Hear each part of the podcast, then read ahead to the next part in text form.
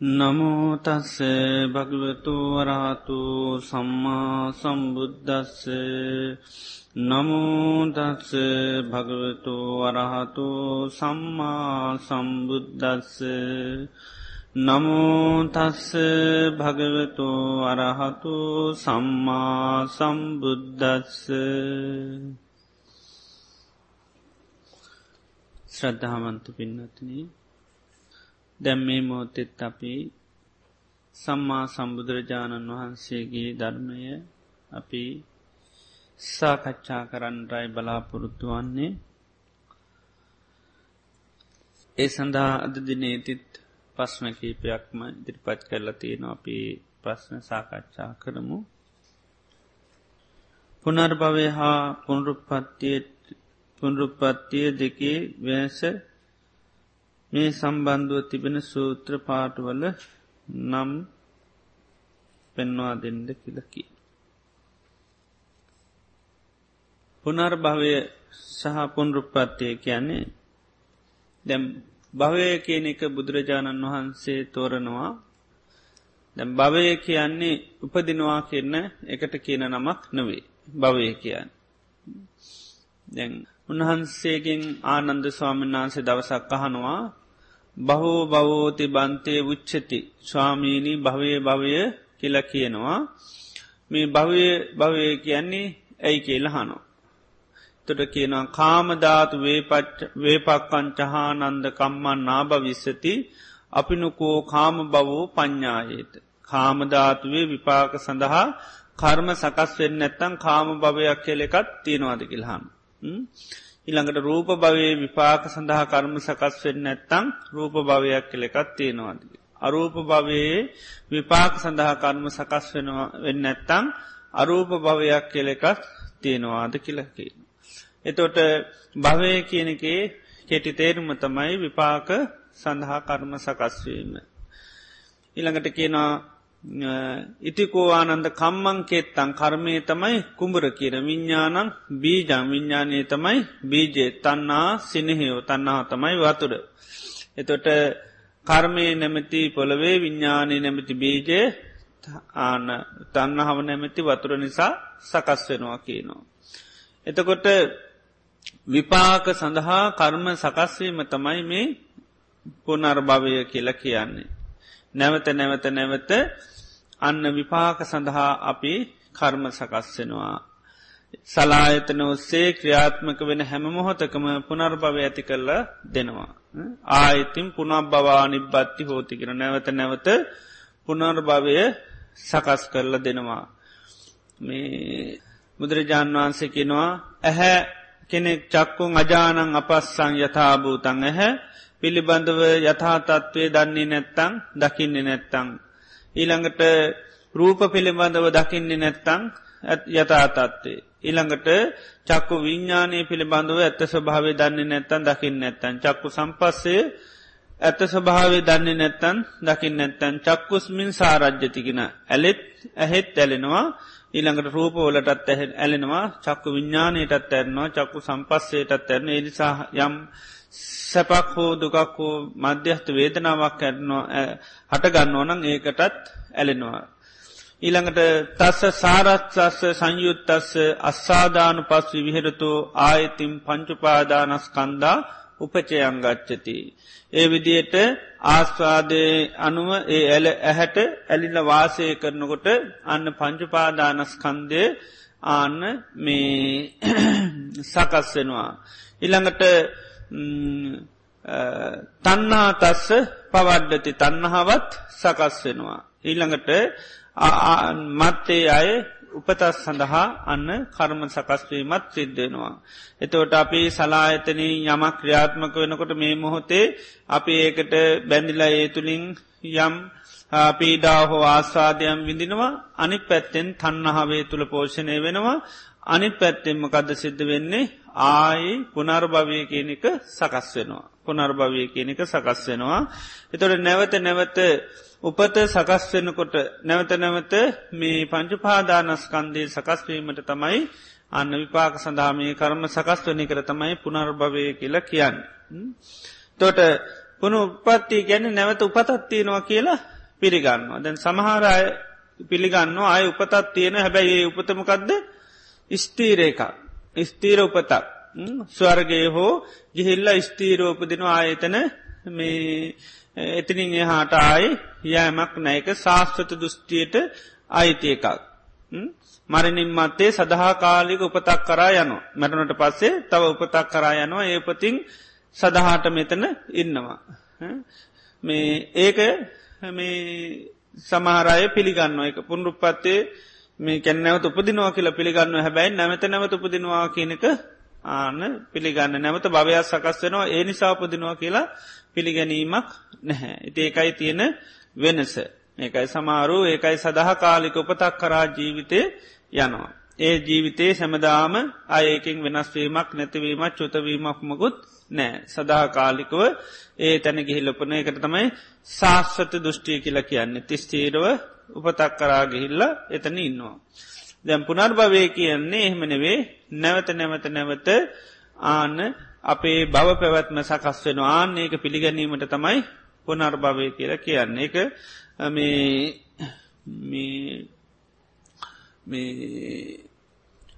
පිළිගත්තේ නැති වුණොත් ඒ අයට අන්න ඒ අය තමයි මේ උච්චේද දෘෂ්ටිය තියෙන අය උච්චේද දෘෂ්ටිය කියන්න මේ ජීවිතය පමණයි මේ ජීවිතෙන් පස්ස ආය උපතක් නෑ කියලා පිළිගන්නවා. ඒක උච්චේද දෘෂ්ටියට අයිති වෙනවා. ඉතින් බුදුරජාණන් වහන්සේගේ ශාසනය තුළ මේ පටිච සමුපාදය ක්‍රියාත්මක වෙන හැම වාරයකදීම අන්න අපිට භවය කියන එක සකස් කරන ඉතින් භවය සකස් වුණොත් බවපච්චය ජාති. භවය සකස් වුණොත් අන්න ආය උපතක් තියෙනවා. ඒක එපත තියෙනකොට ජරාමරණ සෝක පරිදේව දුක්දුම්නස් තියෙනවා. ඉතිේ නිසා ඉපදීම කියන එකයි ජාතිය කියන එකයි දෙකක්. ඉතින් පුනර් භවය කියන එකට අයිති අර භවය කියන එක තමයි අයිති පුනර්භවය කියන එකට ජාතිය කියන්නේ ඉපදීම කියන එකයි. භවයක් හැදුනොත් තමයි ඉපදින නැත්තං උපදින්නේ නෑ භවනිරෝධා ජාති නිරෝධෝ කරන භවය නිරුද්ධ වනොත් ජාතිය නිරුද්ධ වෙනවා. ඉතින් නිසා මේ භවය ජාතියයි කියන්නේ දෙකක්. තිං අර සමහර අය පුනර් භවයක් පිළිගන්න නැහැ නමුත් නැවත ස්වර්ග ස්වර්ගයට හෝ ඒ වගේ ස්තීර තැනකට යන කියන මතේ තියෙන අය එන්නවා. සඳහා කාලික ඒ තැන ගිහිල්ල පුදන එකත් පුනර්භවය පිළිගන්නවා කියන එක නෙවේ. ඒකටේ ආයායුපදිනවා කියන පිළිගැනීමක් නැහැ. බුදුරජාණන් වහන්සේ ධර්මය තුළ ඒකයි භවය සකස් වෙනවන යම්තාක් ඒතාකල් උපත කියන කායායිමත් සිද්ධ වෙනවා. ඉතින් ඒ පුනර්භවය පිළිබඳව දේශනා ගොඩාත් තින ඉතින් පරිසම්පාදය කෙනෙක් හරියට බලාගන්නවන එතන නිතනම දුක සකස්වීම කියන එක තියෙනවා. බුදුරජාන් වහන්සේ කියනවා ලෝකයේ අන්ත දෙකත්තියෙන් අන්ත දෙකත්තියනවා කියන ලෝකේ තමයි ඇත්ත නැත කියන එක.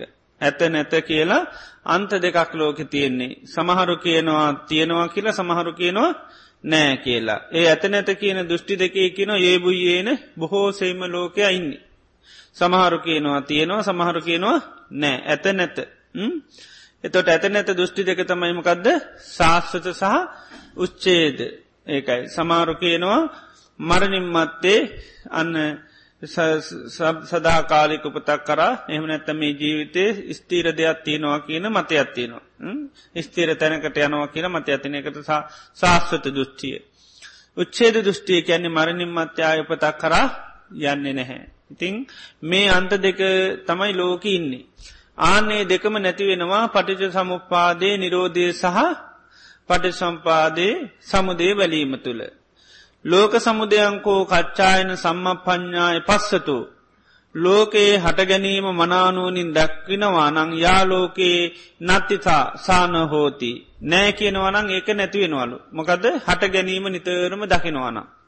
මරණින් මත්තේ උපදින් නෑ කියලා කියනවනම් ඒක නැතිවෙනවා අර හට ගැනීම නිතරම දකිනවාන. පටිට සම්පාදය තුළ හට ගැනීම දකිනවා නම් නැත කියන දෘෂ්ටි නැතිවන යා නිතරම දකිනවා චක්කුම් පටිච්ච රූපේ චුප්පද්ජති චක්ක විඤ්ඥානං තින්නන් සංගති පස්සු පස්ස පච්චයා වේදනා වේදන පච්චයා තන්නා තන්නා පච්චා උපාධන පාධන පච්චා බව්. එතොට එන්නයා දකිනවා ආය භවයක් සකසන බවපච්චා ජාති.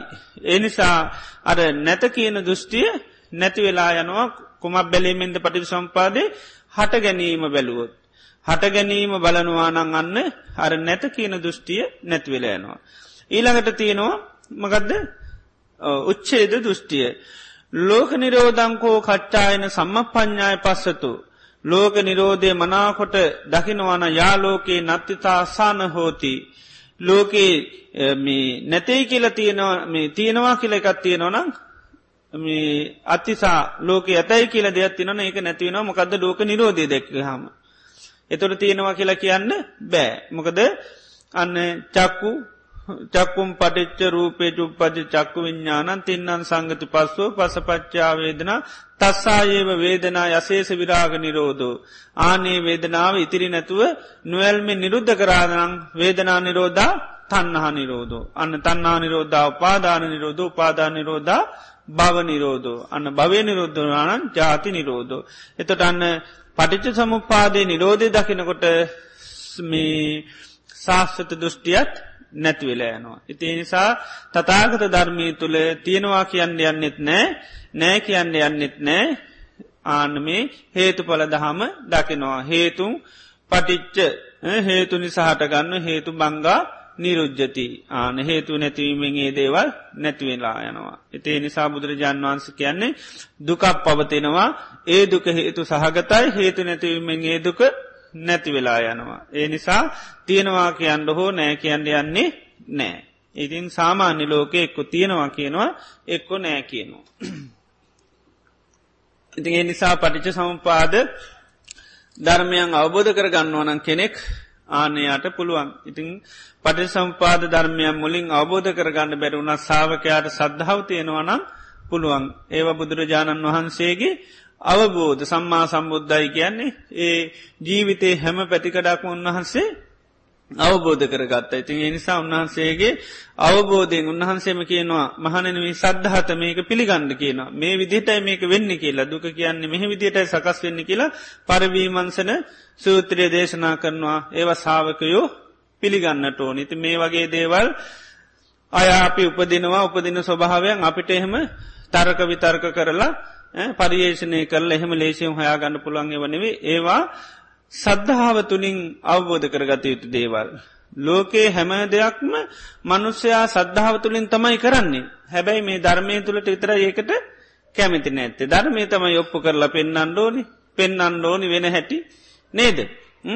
ඒක ධර්මයට විතරයි. අනිත් ඒවට මිනිස් ඔක්කෝම පිළිගැනීම තුළ තමයි හැම දෙයක්ම කරන්නේ.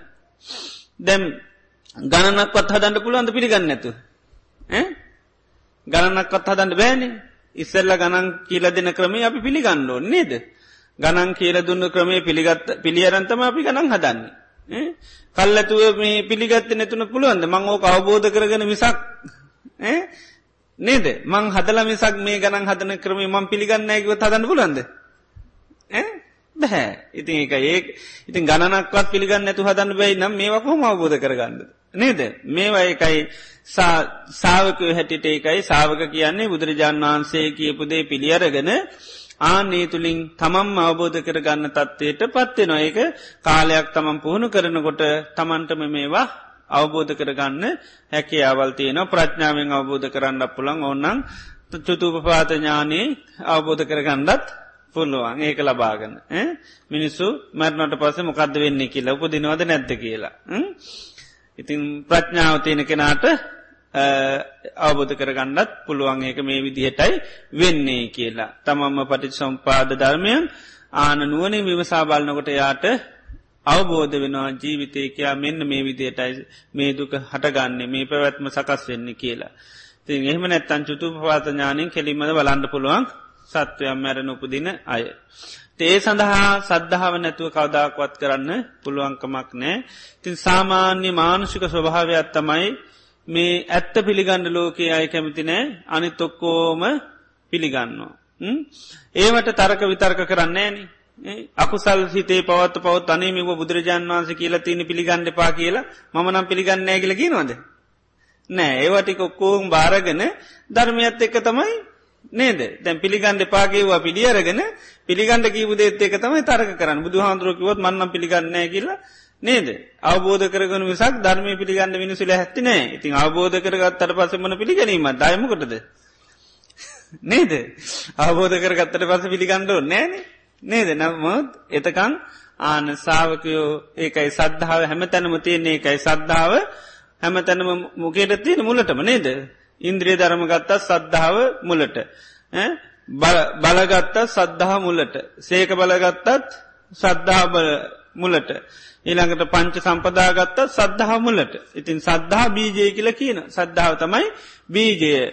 අවබෝධය නැමති ගහදාගන්නනම් සද්ධාව නැමති බීජයේ තිීන් දෝනි එහෙම නැතුව පුළුවන්කමක් නෑ සාමාන්‍ය ජීවිතෙත් ඔක්කෝම කවුරුත් පිළි අරන්තමයි ලෝකෙ කරන්නේ. රටක් බලන්න ගියත් පිළියරන්න යන්න ඕනි.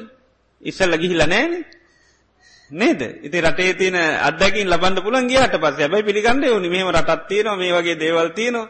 ඉති ඒවත් පිළියරන්තම යන්නේ. නේද? ඉති ඒ වගේ ලෝක සෑමටේම පිළිගැනීම තුළ තියෙන්නේ. නමුත් අපට ඒවා ස්වභාවිකෝ පිළිගැනීම හැකියාවත් තියනවා. එක ස්වභාවිකෝ දෙයක් කියවකන් අපි පිළිගන්න. පිළි අරගෙන අපි ඒවා මේ අපි පාච්චි කරනවා. දැම් ගහලෝකෝට කවුරු ගිල්ලති නොද දැම් ගහ චක්‍රයක් තින ඒව දැන් කවුරු ගිල්ලද ඒ ඔක්කොම් පිළි අරන්න තියන්නේ. අප රවි ඉන්නවාගේ බුද ඉන්නවා කියර කවුරු ගිල්ලද බල්ලද? නේද? මේ මේ වගේ අපල කරන ඉන්න ඒවත් ඔක්කොම් පිළියරන්න ති කවද කවුද ගිල්ල තියන්නේ? රහුළඟට ගිල්ලි ගිල්ල නෑන කවුරුත්. නේද? නමුත් ඒවා අන්න පිළියරන්තියන්න එහෙම අපිට බලපෑම් කරන ස්වභාවයන්ති නො ඇති නේද? ඒවා ඒලිම පිළියරන්තියන්නේ ඉතේ පිළිගත්තින්න ඒව පාච්චි කරනවා. ඉති ඒ වගේ ලෝක එකයි හැමදේම පිළිගැනීම තුළ තින හැබැයි බුදු ශාසනය පිළිගැනීම තුළ නතර වෙන්න හැ. පිළියරන් තමන් ඊට පස්සේ මකද කරන්නේ. අවබෝධ කරගන්නවා ඒක. අවබෝධ කරගන්න බුදුරජාන් වන්සේ කමවේදේ කියලා තියෙන තොට තමන්ටම අවබෝධ කරගන්න පුළන් පත්්‍යශ කරගන්න පුළුවන්. එතකම් පිළිගන්නඩොර මේ වගේ අපිට පුනර් භවයක් තියෙනවා කියලා අපි පිළිගන්න නම් අපි මොකක්ද කරන්න ඕනි? පටිච සමුපාද විම සන්ඩෝන විමසීම තුළ අපිට පුනර් භවය කියන අවබෝධ කරගන්න පුළුවන්. ඒකයි. ආය කොහොම අපි උපතක් කරා යන්න ඒවක්කෝම පුළුවන්. ඒව කාටවත් මේ විද්‍යාත්මකෝ මේ ඔප්පු ගන්න ඔප්පු කරලා පෙන්න්න පුළුවන්කමක් නෑ බලන්ඩත් පුළුවන්කමක් නෑ. ඉස්සර රජගෙන කිටිය යා නැවත උපදින්නේ කියලා මේ එයාගේ මත ඇත බෙතින් දැම් මෙයා ඊට පස්සේ ඒකට පරියේෂණ කරා. මුට්ටියක් ලිපේ තියලා මනුස්සේ දැම මුට්ටිය ඇතුළට පණපිණි. දැ යනවා කියනවන මැටලට පස්සේ ඒ නිසාමකද කරේ මුට්ටිය හොඳට වැැහවා වහලා ගිනි දැම්ම යති. ගිනි දෑලා දැම් මැරිල් ඇති කියනකොට මුට ඉක්මනටම ආන මේ ඇරි යමකක්ද වහලා තිබ්බේක එයාගේ ජීවී පිටේ නොවද කියල බලන්ද. ඉතින් එහෙම කරලා අන්න හොයාගන්න බැරි වුණා. ඉති එතෝට තවත් මතේට ගයා ඒනම් උපතක් නෑ. ඉළඟට එයා කල්පනා කරා දැන් සමහරයගෙන ඕන මැරණට පස්සේ ගිහිල්ල දිවි ලෝක උපදින තොට යා බලන පින් කරන්න කවුද කියලා. ඉති හොයාගෙන ගිල්ල කියනවා මේ මේ සමන බ්‍රහ්මණයන් කියන හොඳ කරන අයි දිවිය ලෝකයනවා දැන් ඔයා හොඳ කරපු කෙනෙක්. ඔයා දිවිය ලෝකයාව ගියාට පස්ස ඇවිල්ල මට කියන්න. ඇවිල්ල මට කියන්න මේ එතකොට මම්ම ගියා වගේ වෙනවා. ඔයා ගියාහම ඉතින් ඒ නිසා එතකොට මම පිළිගන්නම් පරලෝකයක් තියෙනවා ආන ආය මනුස්්‍ය උපදිනවා කියලා ම පිළිගන්න ඔය ඇවිල්ල මට කියන්න කියලා. එතකොට මේ එයා නමුත් කිව්වට ඒ අය ඇවිල්ල නෑ තියා හම් මේ කුමාර කස්සප කියන සම්න්නන්සට කියන ඇති ම ඇරිය පණිට මේ වෙනකං ආවෙනෑ. එතර කුමාර කස්සු මහරතන් වහන්සේ පෙන්න්නනවා මේ දෙවියන්ගේ ආවශ හරි විශාලයි. පහළම දිවිලෝකෙටත් අපේ ආවුෂ අපේ දවස් පණහකේ කට්ටියට එක දවසයි. ඉතින් ඒ මැරිච්චි කෙන හිතනවා මම දවසත් දෙකක් ඉඳලා යට පනීට ගිහින් කියනවා. එතකොට ඔයා මැරල ඉවරයිකිව පනිවිට කියන්න දෙනකොට. නේද? මොකද ආපුගම බැන අටික දිවලෝක විස්තර බලාරෙන්ට පැමියට කියන්න. ඉතින් ටිකටවමක් ගාලනකොට දවසත් දෙකක් යනවනේ. එතකොට ඔය මැරල ඉවරයි කිව පනිවිට ගන්නකොට ඉතින් ඒ වගේ එයා අර මේ උපත පිළිබඳව මේ උපදින්නෑ කියනක පරියේෂණ කළ තින තියේක බලාගන්න පුනුවම් පායාසි රාජන්‍ය සූත්‍රය කියල තියනවා. ආන්නේක ගොඩාක් විස්තර තියෙනවා. මේ එයා මේ කරපු පරියේෂණ ඉතින් ඒවට ඒ කුමාරකාච්ච මහනාතන් වහන්සේ ලස්සනට පිළිතුරු දෙනවා. විවිධ විදියට යා කරපු පරියේෂණයවලට අනුරූපෝම උන්වහන්සේ පිළිතුරු දෙනවා. ඊට පස්සයා පිළිගන්නවා. ආයුපතත්තියනවා මරණින් මත්තේ මේ මනුෂ්‍යයන් මේ උපත කරා පුනර් භවය කරා යනවා කියන එක. තේ නිසා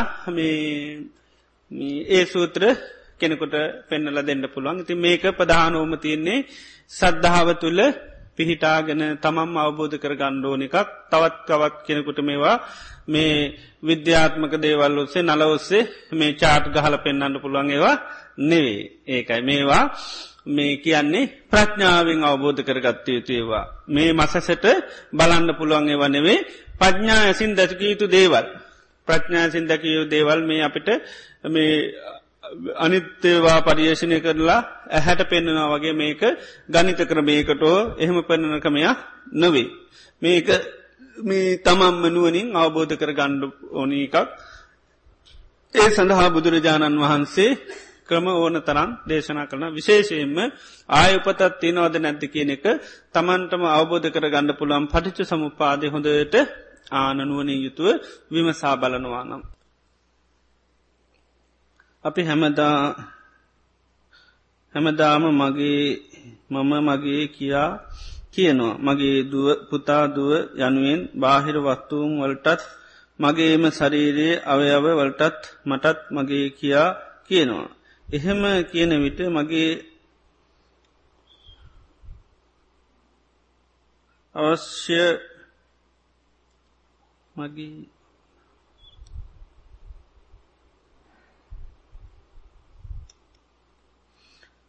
මගේ ශරීරී නිසා. මම කියන කෙනා කවුද? මගේ ශරීරයේ කොතනක පිහිට ඇද්ද?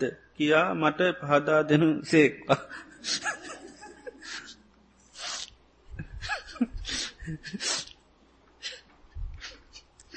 භාවනා කරන විට මට මේක සාර ගැටලුවකි. මම කියන්නේ හේතු පල ධර්මයක් බව මම දකිමා හරි නීති.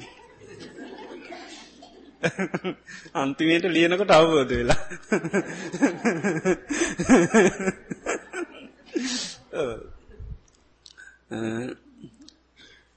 දෙවී එක් ඇවිල්ල කිව්වා බුදුරජාණන් වහන්සේට අහංවදන් තිපි වදේය මමං වදන් තිපි වදේය මගේ කියලකින මම කියනවා කියනවා ඒ කවුද රහතන් වහන්සේලා.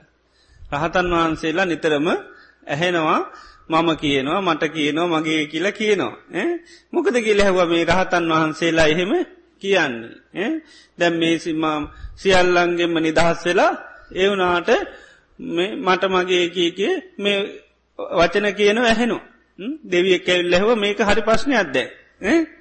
නමුත් කියනවා මමමාගේ ස්වභාවෙන් අයින් වෙලා කියලා කියනවා. නමුත් මේ නිතරම මගේ මට අයිතිකීගේ අන්න අහං වදන්තිපි වදේය මමං වදන්තිපි වදේය කියල කියන එතොට බුදුරජන් වහන්ස කියනවා මේ ලෝකයේ සමඥ්ඥන් කුසලෝවිදිත්වා වෝහාර මත්තයන ඉතිවෝහරේය ඉතිං රහතන් වහන්සේලා කියනවා මම කියලා මගේ මට අයිති කියන බාහිර දෙයක් පාත්‍රය හුවත් කාය කියලා මගේ පාත්‍රය කියලා කියනවා.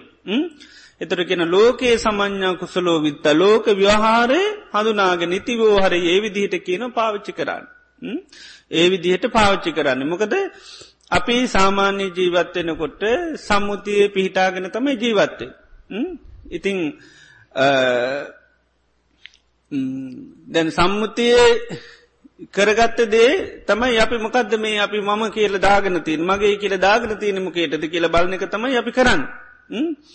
එතකොට අපිට පේනවා මේ ජීවිතයේ පවතින එකක් කිසි දෙයක් අපිට ඕන විදිහට පාලනය කිරීමේ අයිතියක් නැහැ.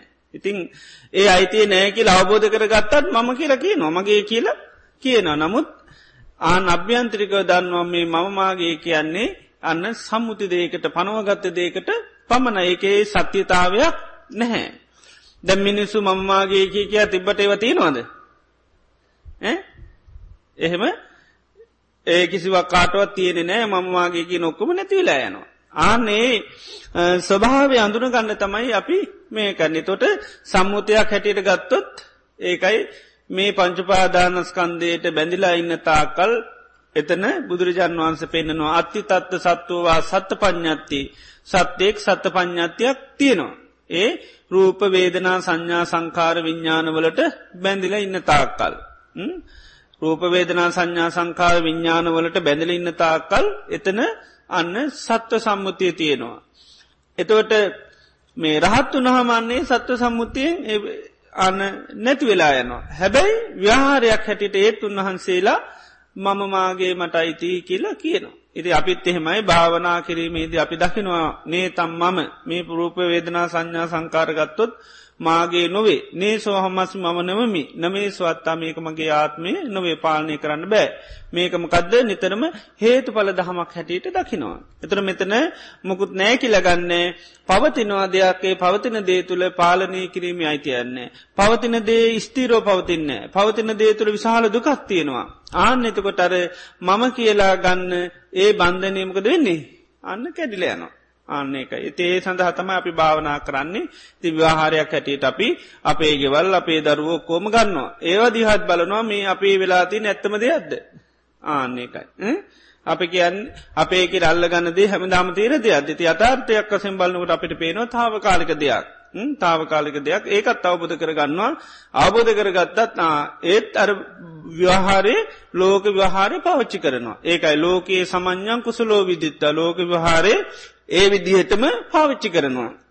එහෙම පාවිච්චි නොකර ලෝක ජීවත්තෙන පුළන්ද. බෑන එතොට පිස්සු කියලා හිතයි. නේද පංචපාදානස්කන්දෙන්ට ඔය ඔයාගේ දුවදන මට දුවන්න පංචපාදානස්කන්දයක් විතර ඇතින්. නේද. ඒමකරොත් ඒක ලෝක වහාර ඉක්මාගේ මානසික මුතුවක් හැටිට ලෝකයාව දකීවි. මට දරුවෙක් නෑ පංචපාදානස්කන්දයන්න අත්තන තියෙනවා නේද. ඒ පංචපාදානස්කන්ද පැරිවෙලා කවරුවට මැරුවත් එතක නොක දෙන්නේ. ආයතකට අන්ඩනවා. නේද. වචනයක් ඇටට පංචපාදානස්කන්දයකිවට සමට ඉතිං අල්ලගෙන ඉන්නේ. ආනකයි. ඒ නිසා භාෂාව වෙනස් කරා කියලා අපේ හැඟින් අරෝමවා මොකුත් අයින් වෙන්නේ නෑ. භාෂාව විහාර කරා කියලා අභ්‍යන්ත්‍රික තියෙන අවබෝධ වෙනස් වෙන්නෙත් නෑ. ඉතින් ඒ නිසා ඒව වෝහාරමත්වයෙන කැනේ වහාර මාත්‍රයකින් ඒ දේ දේවල් පාවිච්චි කරනවා. ඉති නිසා අපි භාවනා කරනකොටත් ඒ සම්මුතිය ඉඳගෙන කරන්න ඕන. එහෙමනැතු මේක අවබෝධ කර ගන්න පුළුවන්කක් නෙවේ ඉතින් නිසා සම්මුතියක් හැටියට අපි මම කියලා මගේ කියලා මට අයිති කියන ඇති ම නැත්තන් ඕනම් භාන කණ්ඩෝ නෑකල හිතෙන පුලන්න නේද? නේද? ආනක ඉති නිසා මේක විවාහාරයක් හැටියට එක සම්මුතිය පිහිටාගෙන අපි මේ අවබෝධය කරා යන්ඩෝ ඉතිං හොඳට අවබෝධ කරගන්න රූපේට බැඳිල තියෙනවා නම් වේදනාවට සංඥාවට සංකාරවලට විඤ්ඥානයට බැඳිල තියෙනවනම් අත්ති තත්ද සත්වවා සත්ත පඥාතය තන සත්‍යයෙක් සත්ත පඥාතියක් තියෙනවා. රූප වේදනා සංඥා සංකාරවලට බැඳිල නැත්තං නත්ති තත්ත සත්වෝවා සත්ත පඥ්ඥතයා නතන තමයි සත්ත හෝ සත්ත සම්මුතියෙන් තොරවෙන්නේ. ඉති එනිසා මේ ස්වභාව අවබෝධ කරගන්නකං ලෝක විහාරයයි තුළ ඉඳගෙන තමයි අපි කරගෙන යන්න. හැබැයි ලෝකය අව්‍යහාර කරන්න මොන දේකරද කියන එක තම අපි බලන්නේ. මොකරද මම කියලා කියන්නේ අපි? මගේ කියලා කියන්නේ මට අයිති කියලපි කියන්න මොකරද අන්න අනිත්‍ය දේකට දුකකට අයිති නැති දේකට ආන එතකට තියෙනවා අපි මේක සම්මුතියක් හැටිට පැවැත්වට සැබැහැ අයිතියක් අන්න මේ කිසිවත් තුළ නෑ. මේ රූපේ තුළ අපි මම කිවට මේකේ එහෙම පාලනය කරන්න අයිතියක් මුකුත් නැමතන හේතු නිසා සකස් වෙන හේතු නිසා පැවැත්මත් තමයි තියෙන්නේ. ඉති ඒ විදිහට තමයි අපි අවබෝධ කර ගණ්ඩෝනි මෙතන හේතු පල දහමත් තමයි අපි මේ මම කියලා ඇරන්තියන මගේ කියලා අරන්තීන් මට අයිතිය කියලා ඇරන්තිය. නිති මේක අවබෝධ කරගත්ත දාටත් වහාරයක් හැට අපි මේ භාෂාව යනවා. හැබැයි මොකටද මම කියන්නේ කියෙ එතකට දන්නවා. ආන්නේකයි. ස්තීරවතියන එක දේකට හෝ අයිති දේකට නෙවේ ආන්න හේතු පල දහමෙන් සකස් වෙන දේකට තමයි මේ අපි සම්මුතියක් හැටියට පාච්චි කරන්න කියෙන අවබෝධය තියෙනු.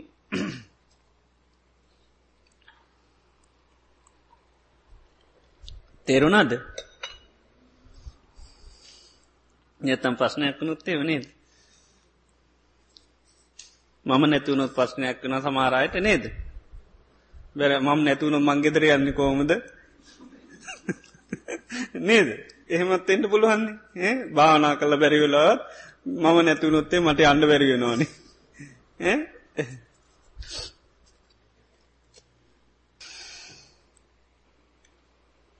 අට්ටික සංඥාවට වඩා ආශ්වාස පාශ්වාසය පහසුවෙන් සිත පිහිටුවාගත හැක.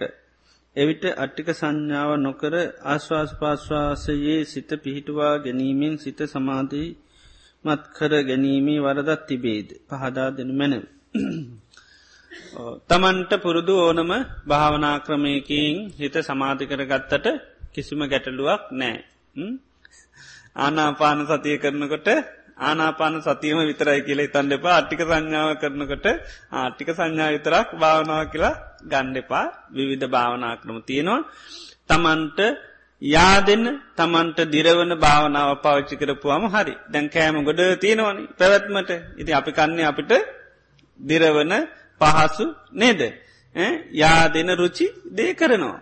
රුචි කෑම පාවිච්චි කරන එතොට ඒ තුළින් අපේ පැවැත්ම කියන එක ගෙනියනවා. ඉති ඒකම දේ ලෝකය ඔක්කෝම කය පවත්තන්න කරන්න නැහැන එක එක රටවල්ල එක එක කෑම කනවා. නේද. ඉති ඒ වගේ කෙනෙකුට මේ විවිධ භාවනාවස්සේ තමන්ගේ හිත සමාධිකත කරගන්න පුළුවන් සමාරලාට ඔන්න හිත කියන්න හැබැයි වංචනික ධර්මයක් සමන්ලාට ඔන්න අට්ටික සංඥාවෙන් හිත පෝඩ්ඩක්ස් එක දුණොත් ඒතොට ආය ආස්වාද පාස්වාද බලන්න හිතෙන්ට පුළුවන්. ඊට පස ආස්වාස්වාසාසත් පේන්ඩ පුළුවන්. ඉතිඒ වගේ අර හිත සමල්ලාට අපි වෙනත් දේවල්ලොල්ට යොමු කරනවා. ඇති එතනෙදී අපිට තියෙන්නේ මේ කාල පාරාශය මම මේ භාවනා කරන්න එත මම මේ තුළම හිත සීහ පීටුව ගන්නවා කියලා. තේ නිසා තමන්ට හිත එකඟ වෙන්නේ මොන භාවනා කරමෙන්ද? ඒදේ කරන්න. ඒකයි එකම ක්‍රමයක් කියලෙකුකුත් නෑ ඒදේම කරන්න ඕනි කෙලදයකුත් නැහැ. කැමැති භාවනාවකින් තමන්ගේ හිත පිහිටුවා ගන්න පුළුවන් විපසනා කිරීමේ දිත් වනයි සමහරුන්ට දිගටම පංචුපාදානස්කන්දීම පශනා කරනවා. සමාරු ආයතන විපසනා කරන්න පුළුවන්. සමාරු පටික්ෂම් පාධර්මයම නිතර සහිකර කරන්න. ඒ විදියට කරන්න පල තොට ඒ හැමදයකින්ම මේ පංචුපාදානස්කන්දිම තමයි අවබෝධ කරගන්න. ආයතන වසයෙන් බැලුවත් ඒත් එතනත් තියෙන පංචපාදානස්කන්ද පඩ සම්පාදය තුළට ගැත් ඒත්තින් පංචපාදානස්කන්ද පංචපාදානස්කන්දයෙන් බැලුවත් ඒත්තියන්නේ පංචපාදානස්කන්ද. ඉති ඒ නිසා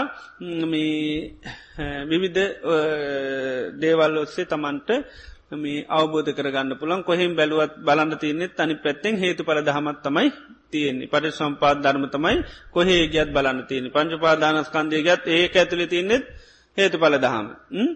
ඊළඟට ආයතන ගියොත් ඒත් බලන් තියෙන්නේ හේතු පල දහම. ඉනම් පට සම්පාදයෙන් බැලුත් ඒත් බලන් තියෙන්නේ හේතු පල දහම. ති මුලි මූලිකෝම සාාවකයා අවබධ කරගත යුතු දැනුම තමයි මේ හැම දේකම තියෙන්නේ හේතු පලදාමක් දැන් ඒ දම්මා හේතු පබවා තේ සංහේතු තතාගතු ආහ කියලා.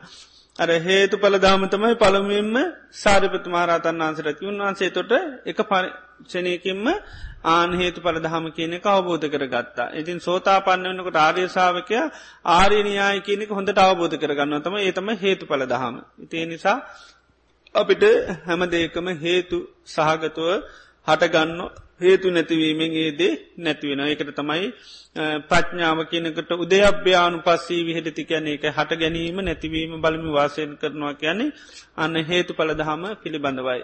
හේතු හටගත්තාම යම් යම් දේවල් හටගන්න ඒ හේතු නැතිවීමෙන් ඒවා නැතිවෙලායන්. අට්ටික සංඥාව වඩද්දී ඇට සැකිල්ල හිතේ පෙනීම විඤ්ඥානයේ මායාවක් නොවේද. ඒකට අපි කියන්නේ සංඥාවක් කියලනේ දට්ටික සංඥා හිතට ඇතිකර ගන්නා වූ සංඥාව බාහිරව තියෙන දේක තියෙන සංඥා තමන්ගේ කයෙත් ආනැට සැකිල්ලත් තියෙනවා කියන සංඥාවක් ඒක හේතුවක් නිසා ලැබෙන පලයක් මොකද අපි මනසිකාරයක් පවත්වනේ මනසිකාරයත් එක්ක අපේ හිතට ආන දර්ශනය වෙන එකක් ඒකට මායාවක් කියන්නේ මොකද අපි ඉබේ වෙන දෙයක් නොවේ හේතුවක් නිසා සකස් වෙන දෙයක්. හේතුවන් නිසා සකස් වෙන දෙයක් තමයි අපිට පේෙන්. අපි අර සිහි කිරීමත් එක් අපිටන්න ස්වභාවිකව පවතින දෙයකු පිළිබඳුව අන්න හිත පිහිටනවා. සිහ පීටනවා. අපට සහ කියනක විධ දේවල්වලට පිහිටවන්න පුළන් ඒ පිහිටන්න අපි පීටනදේ එතට මෙතන අපි සිහිය පීටනවා මේ අයේ ඇයට සැකිල්ලක් තියෙන්නේ කියල සිහි කරන්න කියකන්න සිහිය සම්පූර්ණම කය පිළිබඳුව පිහිටනවා. ඉති එතොට ඒක මායාවක් කියලා එහෙම ගන්නේ නෑ විඤ්ඥානින් පෙනෙන් මැජික ගන්නවේ හේතුවක් නිසා සකස්වන එක එතන ඒකයි භාවනාව නැමති හේතුව නිසා තමන්ගේ මනසට ආනේ අට්ටික සංඥාව කියන එක අන්න ප්‍රකටෝ පේල්. අට්ටික සංඥා වඩන්නේ සිත සමාධිමත් කර ගැනීම හා වැදගැන්මක් නැති බව පෙන්වීමටද පහදා දෙන්න. අට්ටික සංඥාවතුලින් මේ අපි සමාධිය ඇතිකර ගණ්ඩත් බුදුරජාණන් වන්සේක සමාධිනිමිත්තක් හැටියට පෙන්නල තියෙනවා. ඒ වගේ මේ තුළින් අපේ ජීවිතයට යං අවබෝධයක් කියන එකත් එනවා.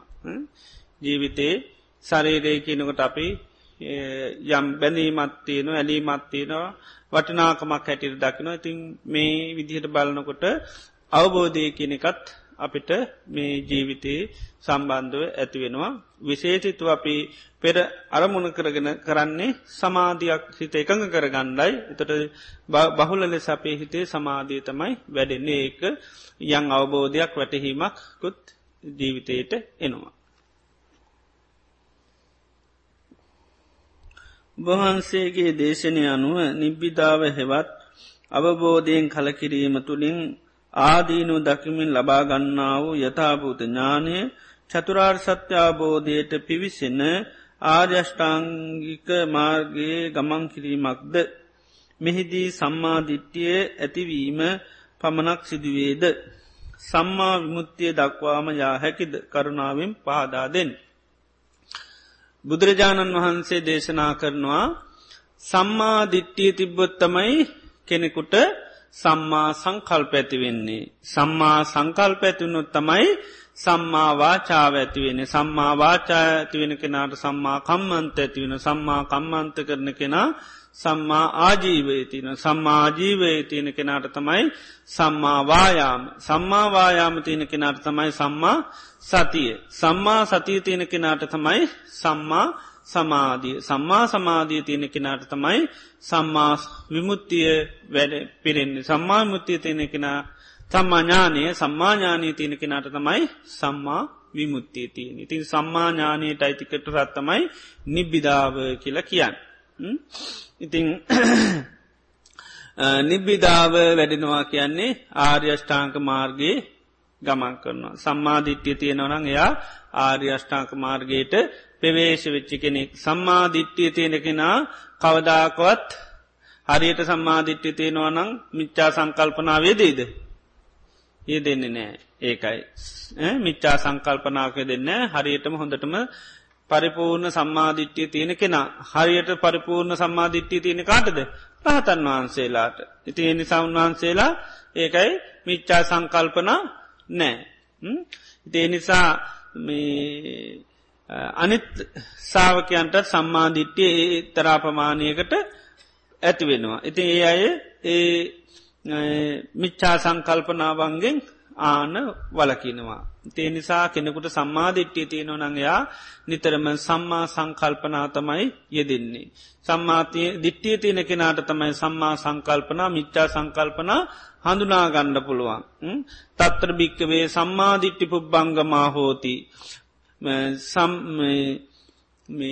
සම්මා සංකප්පෝ සම්මා සංකප්පෝති මිච්චා සංකප්පෝ මිච්චා සංක සම්මා සංකල්පය සම්මා සංකල්පයක් හැටියටත් මිච්චා සංකල්පය මිච්චා සංකල්පයක් හැටියටත් දැනගැනීම මොකදද? සාසහෝති සම්මාධිට්්‍යයක සම්මාධිට්්‍යයක් කියනවා.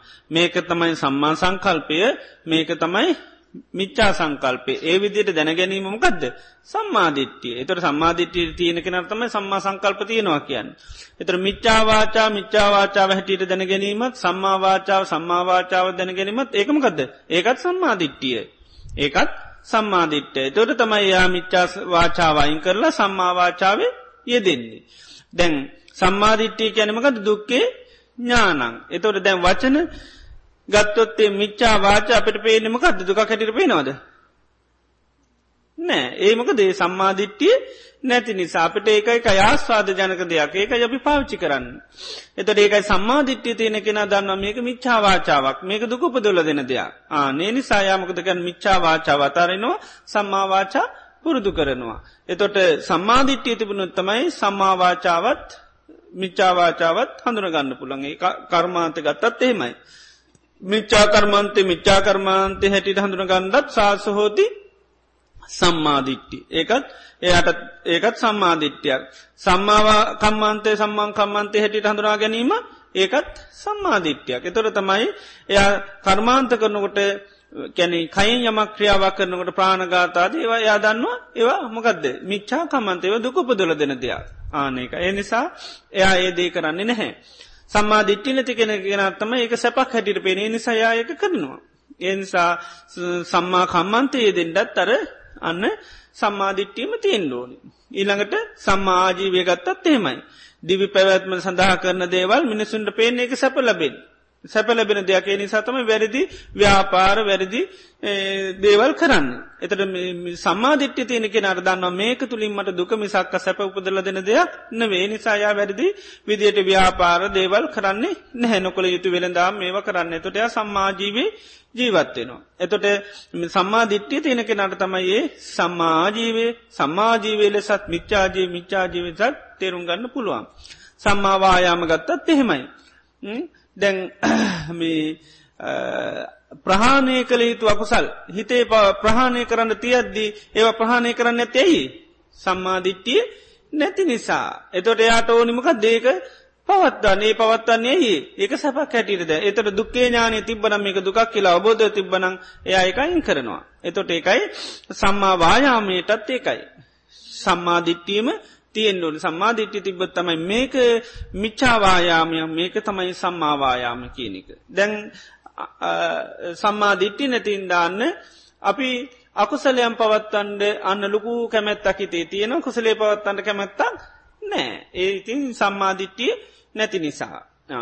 එතකොට සම්මා සතිය ගත්තත් එහෙමයි මිච්චා සති මිච්චා සති හැටියටත් සම්මා සති සම්මා සති හැටියටත් ආන්න තේරුම් ගන්න පුළුවන් සම්මාධිට්ටිය තියෙනවාන එතනත් සාසහෝති සම්මාධිට්්‍ය එතනත් සම්මාධිට්්‍ය තින් ෝනිකෙන නැත්තම් මිච්චාවා සතය මොකද කර දන්නෙත් නෑ සම්මා සතිය කියල මොකද දන්නෙත් නෑ.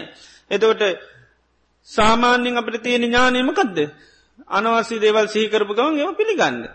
ආන ඒ ඒක එතෝට මිච්චා සතියට අපිට ආන ඒ අපිට මේ මිච්චා සති පැවැත්වීම තුළ අපි දුක්කපදනවා කියල දන්නේ නෑ ආනෙතවට මිච්චා සතියට තම ඉඩ දෙන්නේ සම්මා සතියට ඉඩ නැහැ. ඉති එනිසා සම්මාධිට්්‍ය තියෙනක නර්තමයි මේක මිච්චා සතිය මේ තුළින් දුකමයි උපදවල දෙන්නේ. මේ සම්මා සතිය තුළින් තමයි සැපුදල දෙන්නේ ආන්නේක දැනගන්න පුළුවන්නෙත් සම්මාධිට්්‍යිය තියෙන කෙනාට සම්මා සමාධියත් එහෙමයි.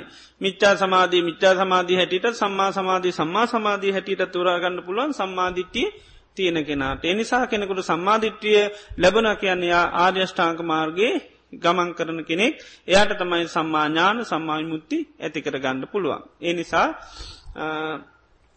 අපි දේවල්වල කලකිරෙනවා කියන්නේ ඒක තිය නැත්ත ස්වභාවේ අවබෝධ කරගන්නවා. ඒක දුකක් හැටිට අපි අවබෝධ කරගන්නවා. ඒක හටගන්න හේතුවත් අපිට අපි අවබෝධ කරන්නේ තමයි තන්නහාව නිසාමයි දුක. ඇයි අපි කල්ලතුව දන්න මේක ඇල්ල තිනිහින්දනේ මට දුක එනිසානි කලකිරෙන්ඩ ආදීන බලන්නේ එතවට හේතු හයාගෙන තමයි නිදහස්වෙන්න බලන්නේ. තෙරනද. දැන් අපි දේකට අපි දන්නවා මං මේකට ඇලුම් කරන නිසා සිතිවිල්ලක්කීම සිතට එන්නේ අපි ඒ සිතිවිලීට පස්ස ආදී නොහිතනවා. ඒ ආදීන හිතන් ඒයේ අපි දන්නවා මේකට ඇලිලා තියෙනවා ඒ ඇලීම නැති කරන්න ඉමං ආදී නොසහි කරන්න. එතොට එයා හොඳටම දන්නවා ඒ හේතුවමකක්ද කියලා. ඉති එනිසා එයා ආදීනුව සහි කරන්න සහි කරන්නමකද වෙන්නේ. අර තන්නහාව තමයි ප්‍රහණය කන ති තන්නාව නැතිවීම දුක්ක නිරෝධය කළයා දන්නවා. ඒ සඳහා කරන්න ඕනි දේමකක්ද සම්මාධිට්්‍ය ඇති කරගන්නඩු නිති සම්මාධිට්‍ය ඇති කරන්න කද කරන්න ඕනි සද්ධර්මත්ස වෙන යෝනු සුමනසිකාරය නි සතම යාද යෝනු සුමනසිකාර කරන්නේ ආ නතොටයා අර නිබ්බිදා ඇතිවෙනවා කියෙන චතුරල් සත්‍යය පිළිබඳ එයාට අවබෝධය තියෙනවා ආනකයි. දේය කල්ලතුවම හේතු පලදහම් වශයෙන් එව දන්නවා. අපි දේකට ඇලුම් කරන්නේ අනෝබෝධය නිසා නේද. ඉතින් ඒ අවබෝධ කරගන්න එතුර ඒ ඇලුම් කරන දේමකයට දයිති. ඒක දුකට අයිති දෙයක්.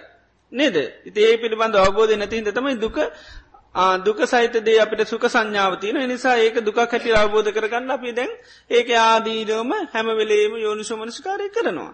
අන්න හැමවෙලේම යෝනිසු මනස්කාරය කරන්න කරන්න අන්න ඒක දුක් හැටියට අවබෝධන අන්න එතෙන්ට එතකොටමකද ඒ දේට කල කිරෙනවා.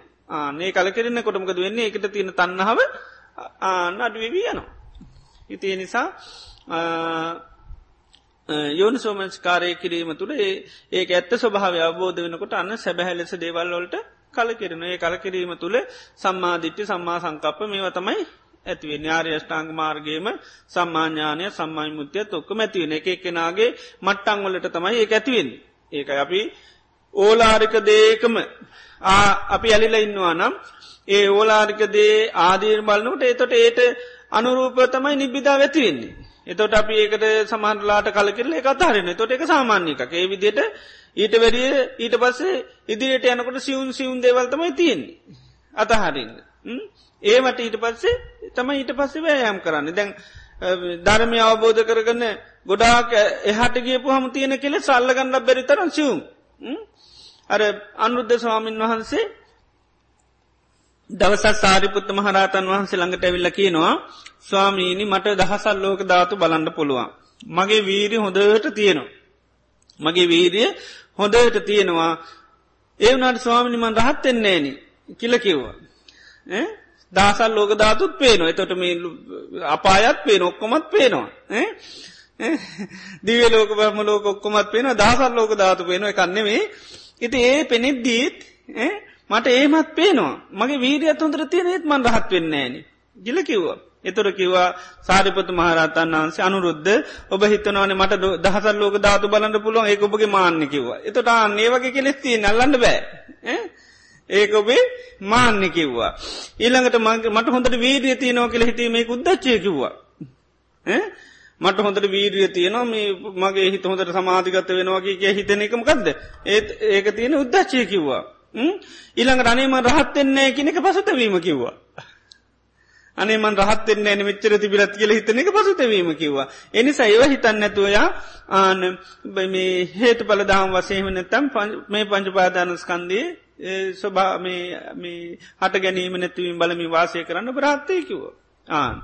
එතකොට ඒවගේ සියුම් කෙලෙස්තම තුර තියෙන් හොයාගණ්ඩක් බැරි තරම්. නේද? ආන්නේක. ඉතිේ නිසා එතවට කල කෙරෙන තියන් යන්න මට ලෝ දහසල් ලෝක ධාතු බලනෝ ගෙනක තම එතට ආනේ කතාරෙන් ඩෝඩ ඒවගේ තියෙන් ඉති.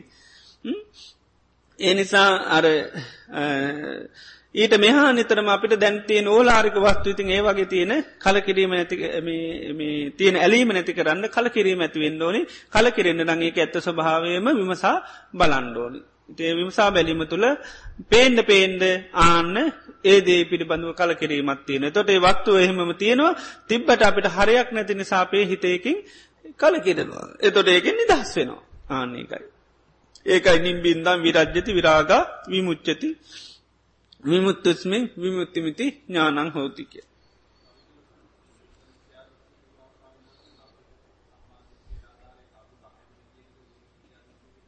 ඕ සාමාන්‍ය සම්මාධිත්‍යයන් නැතිකට තමයි නීතිමිත්‍යා දෘෂ්ටි කියල යන්නේ ස්තීර වසයෙන් යා හිතනවා පරලෝ යා පිළිගන්න පරලෝකයක් නෑ. මෙලෝ පරලෝ නෑ. ඉළඟට ලෝකයේ අවබෝධ කරගත්ත පිරිස් නෑ කියලා ඒ වගේ මේ දෘෂ්ටිකට ගත්ත වනහම එක තම නීත්‍ය මිච්චාදිට්ටි කියල කියන්න.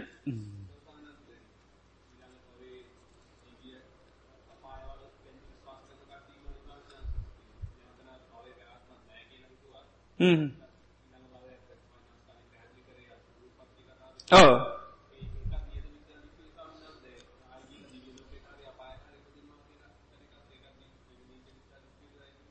ඕ උපදින් නෑ කෙනෙකද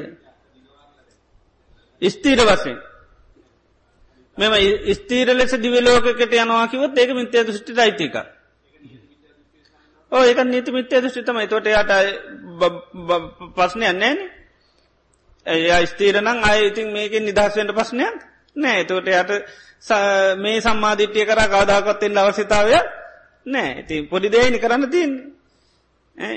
ඊළඟ ජීවිතයට ස්තීර උපදි නොවනන් පොඩි දේ කරන්න තියෙන් ආන්නක ඉතිය නිසා එතකොට ඒ අයට මේ ධර්ම මාර්ගයට එන්න හැකියාවක් නෑ. ඒක ඒවා ශාස්වත දෘෂ්ටිට තමයි අයිති වෙන්නේ. සෝ අත්තා ඒ ආත්මය. කියල කියනවා. නිච්චෝ දුවෝ සස්සතු. කැන ඒක නිත්‍යය ස්තීරයි සදාකාලිකයි. සත්සවිතු විය සස්සති කිනවා අර ගහපු කනුවක් එහෙමම තියෙන වගේ ඒක වෙනස් වෙන්නේ නැහැ. එයා හිතනවා මේ ආත්මය ඊළඟ ජීවිතයට ගිහිල්ලා ඒක ඒ විදිහටම තියෙනවා. ආනකට තමයි ඒකත් මේ මිත්‍යා දෘෂ්ටියක්. ඒක උෂ්චේද දෘෂ්ටියට ඇතියවක්කම නියත මිත්‍යා දෘෂ්ටි. ඒකයි. තේතකොට එයා බලන්න ඒකට පොඩි දේ නිකරන්න පොඩි දෙයක් කරලා ඒ ලෝකට ගියම් පස එතින පස්නවරයි. බය වෙන දෙයන්නේ.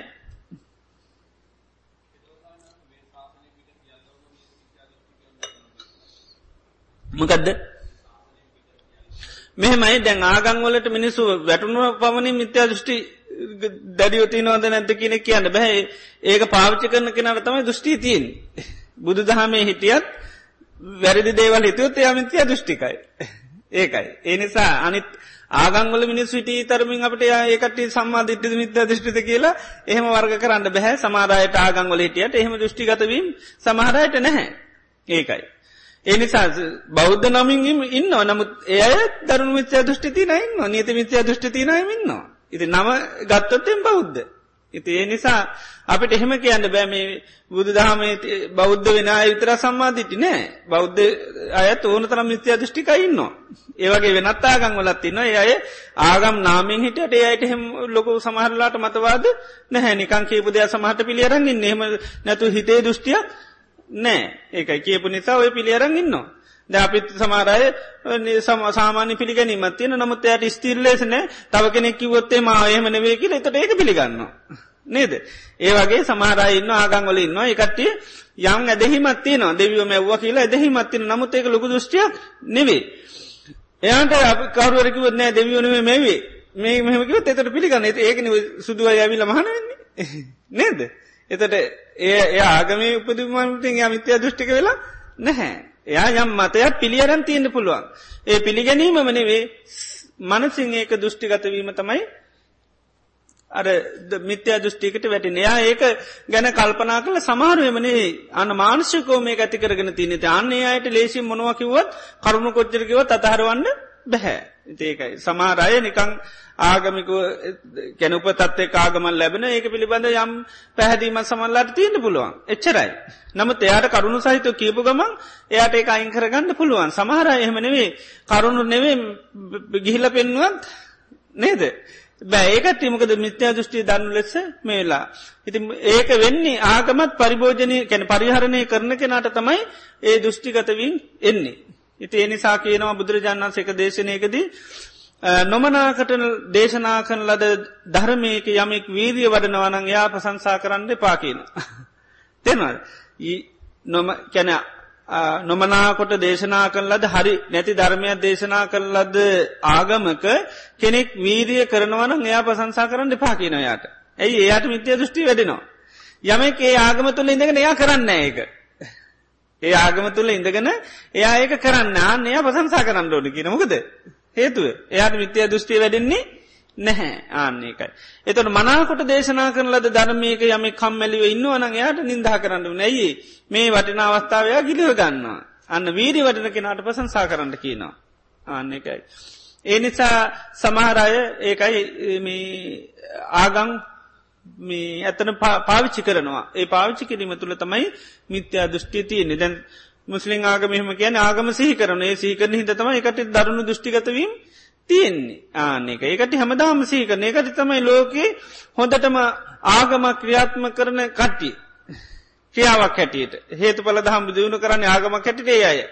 ඒකට තම් පාවිච්චි කරන්න ආගන් අනිත්තයට වැඩිය. එනිසා තමයි ආන දෘෂ්ටිගතවීම ඉතාමත්ම බලගත තියෙන්නේ. එනිසා එලිවෙනකං කිවත් පොඩ්ඩක්ව සමහල්ලාට කෙනෙකුට දෙයක්දාන බෑ තරමට දෘෂ්ටිය බලගතිමකද චූටි කාලින්දලම ඒකට්ටි ආගම කියන එක පාවිච්චි කරනයි. ලෝකේ හොඳට මාගම් පාච්චි කරන ඒකට්ටිය ඒ ආගමේ ආන ඔක්කොම දෘෂ්ටිගතවීම් තනිකරම් බැසගෙන තියන්නේ නිසා තමයි වෙනස් කරන්න බැරි.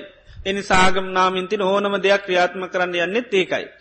ඉතිං අනිත් ආගන් ලෝක ගොඩාක් තිබුණට මිනිස්වේව පරිභෝජනය කරන බොහොමඩි දුෘත්තිගත වෙන විදිහට කරනවා ගොඩා කඩුයි සමහරයි කරනවා සමහරයි කරන්නේ නැහැ.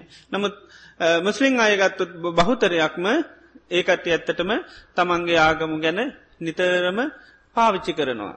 වචනය කියන්නෙත් මොක දාගම සීකරනවා කියලා කියන්න සිහිකරත්මකද පිහිටන්නේ. සීහ පීටන මිච්චා සතිය පීටනවා ආනකයි. එතෝට යම් දුට්‍ය පාචකරත් මකද නයෝනිස මනස්කාරය දුන තියෙනමක මිච්චා දිට්ටිය ඇති වෙන ඉති මිච්චා දිට්ටිය තිබහ මිච්චාකම්මන්ත මිච්චාජීව මිච්චාවායාම ඔක්කෝටික වැඩෙනවා. ඉතින් ඒ නිසා ක්‍රියාත්මක කරොත් තමයි අර දෘෂ්ටිගතවීම් බහුල වසයෙන් පුද්ගලයන්ට එන්නේ. නිසා අපිට එහෙමම අර ආගංවල මිනිස් ඉන්දිතමින් ඔක්කම නීති මුත්‍යා දෘෂ්ටි කියල කියන්න බැහැ නීති මුත්‍යා දෘෂ්ටි කියන කියන කියන්නේ අර දෘෂ්ටිය පාවිච්ච කිරීම තුළයා ඇතිවෙන්නේ. ඒකයි. යම් දේවල් පාචකන තමයි දෘෂ්ටිකතගේ මනසට ඇතිවෙන්නේ දැන් අපි බුද්ධාගම හිටියට ඔක්කම සම්මාධිට්්‍යය ති නොද නෑ. ඒකයි. බෞද්ධකී පොමනින් ඔක්කම අපි සම්මාධිට්්‍යය නෑති සම්මා සගොඩක්කාට ලෞකික සම්මාධිට්්‍ය තියෙන පුළන් ලෝකොතර සම්මාධිට්්‍යය නෑති ලෝකොත සම්මාධිට්්‍ය ඇතිවෙන්න නම් සද්ධර්මංශවන යොන්සමනසිකාරය යෙදෙන්ඩෝන් අන්නේ එක ඒ වගේ. එතොට අපි කිවොත් බෞද්ධොක්කම නියත සම්මාධිට්ටි කියලා ඒක වැරදි. නේ දෙහෙම නෑන? ආන්නේකයි සිහ හා විඤ්ඥානය එකද්ද. සිහියේ මතකය හා ධාරණ සත්‍යය ඇති බව ඔබහන්සේ කිව්වා. නැවත ඉපදෙන විට විඤ්ඥානය හා මතකය යන දෙකට දෙකට අනෙක් ජීවිතය දෙකම අනෙත් ජීවිතයකට ගෙන යන යයිද. සිහිය විඤ්ඥානයක වහම දෙකක් කැටීට තමයි බුදුරජාන් වහන්සේ දේශනා කරන්නේ සිතට තියෙන පිළිසරණමකදද සිහිය කියනවා. සිතට තියෙන පිළිසරණ සිහිය. එතට සිහි කරලා දෙන දේ අනුවතමයි මේ සිත විඤ්ඥානය කියන එක ක්‍රියාත්මක වෙන්න. තෝට දෙකක් හැටියට තමයි බුදුරජාණන් වහන්සේ දේශනා කරන්නේ. එතෝට සිහිය චෛසික ධර්මයක් හැටියට තමයි පෙන්න්නන්නේ හිතේ හටගන්න දෙයක් හැටියට. තොට සිතට තියෙන පිළිසරණ නිතරම සිහිය තමයි තිීන්. මොකද විඤ්ඥානය කියන එක නිතරම තනියෙන් පවතින එකක් තනියෙන් හටගන්න එකක් නෙවේ එකත් හේතු නිසා සකස් වෙන එකක්. එතොට විඤ්ඥානයට තියෙන එක උපකාරක හේතුවමකදද සිහිය. සිහ විඤ්ඥානයට තියෙන එක උපකාරක හේතුවක්. එතොට මරණයෙන් අපි මරණයට පත්වෙනකොට මේ විඤ්ඥානය විතරක් ඊළඟ ජීවිතකට යනවා කියනෙක නෙමේ පංචුපාදානස්කන්දයක් එතෝට ඒ පංචුපාදානස්කන්දයටම අයිති දේවල්තම අපි මේ සීහ කියන එකත් ඒ පංචුපාදානස්කන්දේ සංස්කාරවලට අයිති සීහ කියන්නේ අපි සකස් කරගන්න එක එක සංස්කාරයක්. එතොට ඒ සංස්කාරය අන්න ඊළඟ ජීවිතයකට අපි අපි මේ ජීවිතෙන් චුත වෙනකොට ඊළඟ ජීවිතයකට අපි යනවා. එතොට ඒ දියුණු කරපු සිහිය කියන එකත් ඊළඟ ජීවිතය කරා යනවා. ඒ නිසා තමයි ඊළඟ ජීවිතයකදී කෙනෙක් සද්ධර්මය හනකොටම ඒ අයට සිහ උපදින්නයට පෙට ජීවිතය දියුණු කරපු සිහිය. එතවට මේ අපි මැරෙනවා උපදිනවා කියන එක වචන ඇහෙනකොටම අපිට සිහ උපදින්න ඕනි. මැරෙන්නෙමකක්ද අන්න පංචුපාදානස්කන්දයක් උපදින්නමකක්ද පංචුපාදානස්කන්ද මොකද මරණය ගැන කියනකොට බුදුරජාන් වන්සේ ජරාව ගැන කිවොත් ඒ කියන්නෙත් මේ පංච පාදානස්කන්දය දිල්ලයන එක.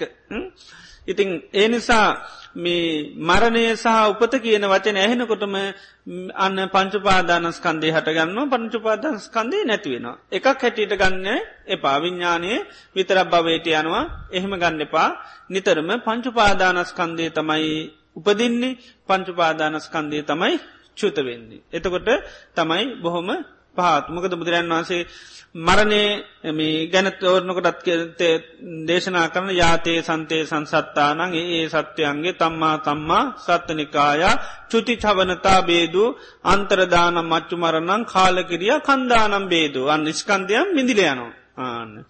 ඒකයි. උපත කියනකොට කියනවා යාතේ සන්තේ සංසත්තානන් තම්මි තම්මි සත්ත නිකාය ජාති සංජාති ඔක්කන්ති අභි නිබ්බන්ති කන්දානම් පාතු භාවන් නිස්කන්දයන්ගේ පහලවීම තමයි උපත කියලා කිය නේනං අපි උචුත වෙනවා උපදිනවා කියන තැන අපිට හොඳට සීහ පීට අන්ඩුනමකක්ද අන්න පංච මැරුණාකිවත් පංචපාදානස්කන්දය චුත වුණා.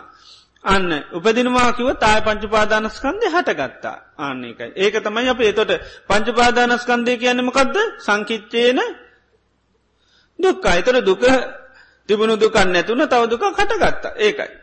එතවට ඒ විදිර තමයි සාාවකව බලන්ඩ කියන්න. එතර බුදුරන් වහන්සකනෝ එතෝට දැම් දුකක් පවතිනවා මේ දුකාය චුත වෙන අය තව දුක කටගන්නවා. ඉති ඒ විදිර තමයි සාාවක බලන්ඩෝනි. එතකොට මම හිටිය මම මැරුණ මමා යනවා එහෙම නැතුව අර ධර්මාබෝධ කරන පැත්තේ අපි නිතරම සිහිතියෙන් ඩොනමකක්ද මේ දැන් පවතින්නේ මම නෙවේමකක්ද ආන දුක. ඒ දුකට අපි මම කියලා සම්මුතියක් දාගනන්න ආනක මගේ කියලා සම්මුතියක් තියෙන මට අයිති කියලා සම්මුතියක් තියෙනවා. ඒ මේක දුකක් නිසා ඒ සම්මුතියෙන් අපි ඒක නිදහස් වෙන්නෙත් ඉතින් ඒ නිසා අපි මැරෙනවා කැන මේ දුක අන්න මෙතනින් චුත වෙනවා. ඊළඟට උපදිනවා කියන්න ආය මේ දුක සකස් වෙනවා. ඉති ඒ සකස්වීමත් තියෙන හිද තමයි එකෙන් නිදහස් වෙන්න ඕන.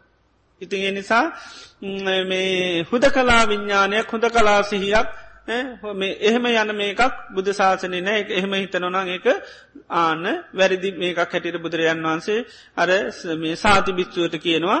විඤ්ඥානයක එයාකෙන විඤ්ඥානය තමයි භවෙන් භවයට යන්නේ. එතොට බුදුරජන් වහන්සේ කියනවා අන්‍යත්‍ර පච්චයානත්ති විඤ්ඥානක්ෂ සම්භවෝ. ප්‍රත්තියන්ගෙන් තොරව විඤ්ඥානයේ අන්න පැවැත්මක් නෑ.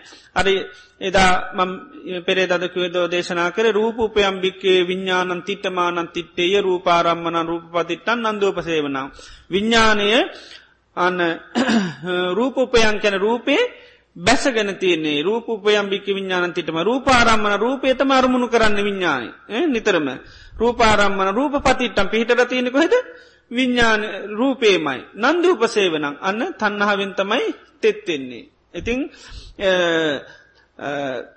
එතවට වේදනා සංඥා සංකාර මෙන්න මේ හතර තමයි. ඒකට කියන්නේ විඤ්ඥානත් තිති. විඤ්ඥානය තියෙන තැන්.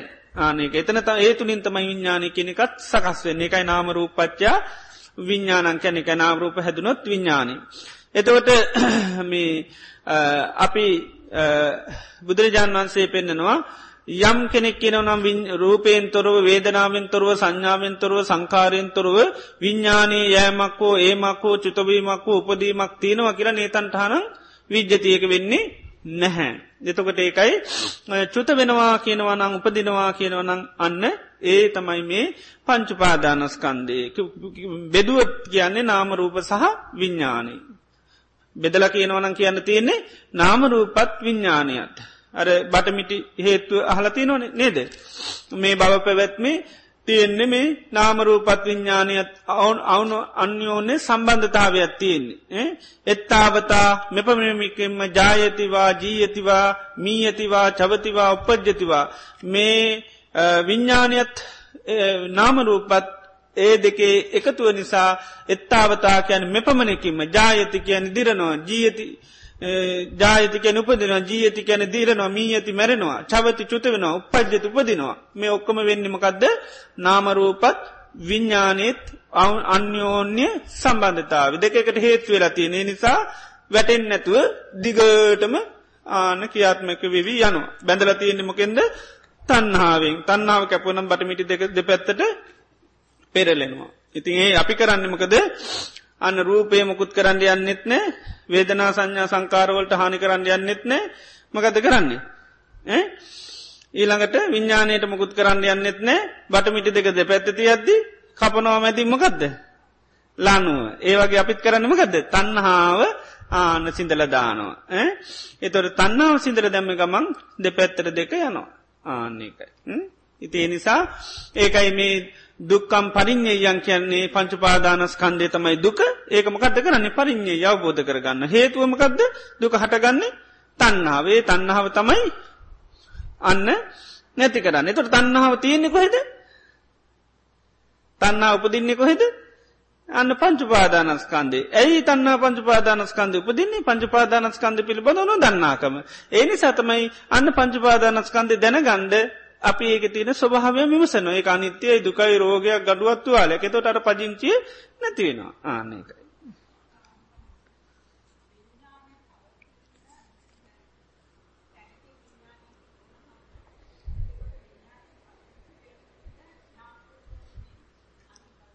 ඒක තම මේ එක විඤ්ඥානයක් කතා කරන්න නැතුව නිතරම පංචපාදානස්කන්දය චුත වෙන උපදිනවා කියන ව්‍යහාරය නිතරම තියෙන් ඒකයි. එතකොට කිසිීම ගැටලුවක් නැහැ. අපි එකක් හැටිට ගත්තාම තමයි මේක තියනෙති එකක් හැටිට කතා කිරීම බුදුරජාන් වන්සේ ධර්මය තුළ ඇත්තටම ඒකයි. අර සාතු බිස්වක්කව විඤ්ඥානය තමයි බවින් බවට යන්නේ. එහෙම වචන පාවිච්චි කරන්න එපා.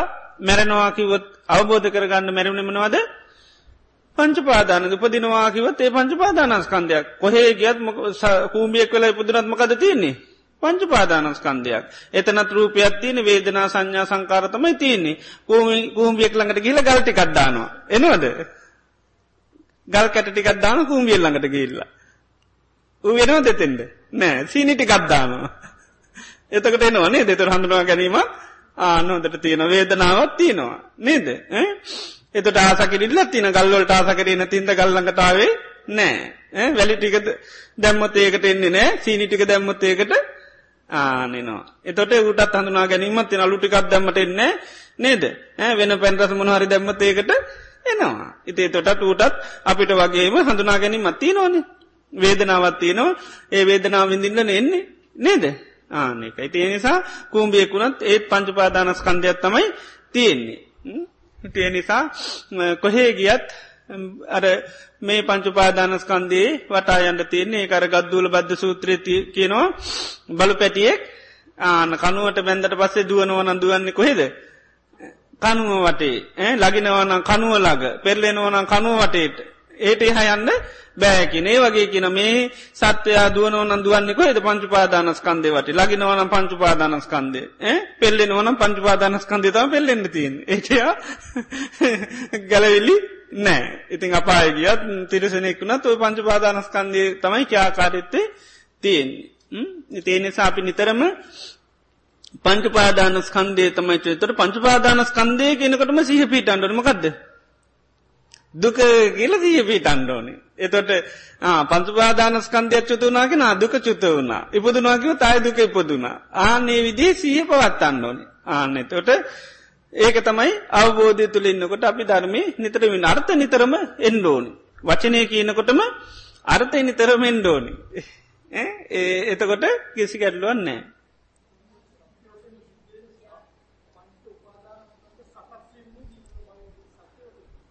ඒක තමයිති එකනේ සකස් වුනහම ඒ සකස් වෙන තැන්ට ගිල් සකස් වුනා මෙතර ගිල් උපදි නො එකයි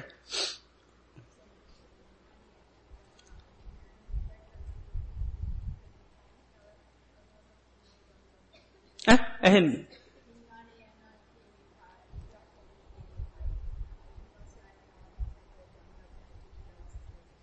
ඕ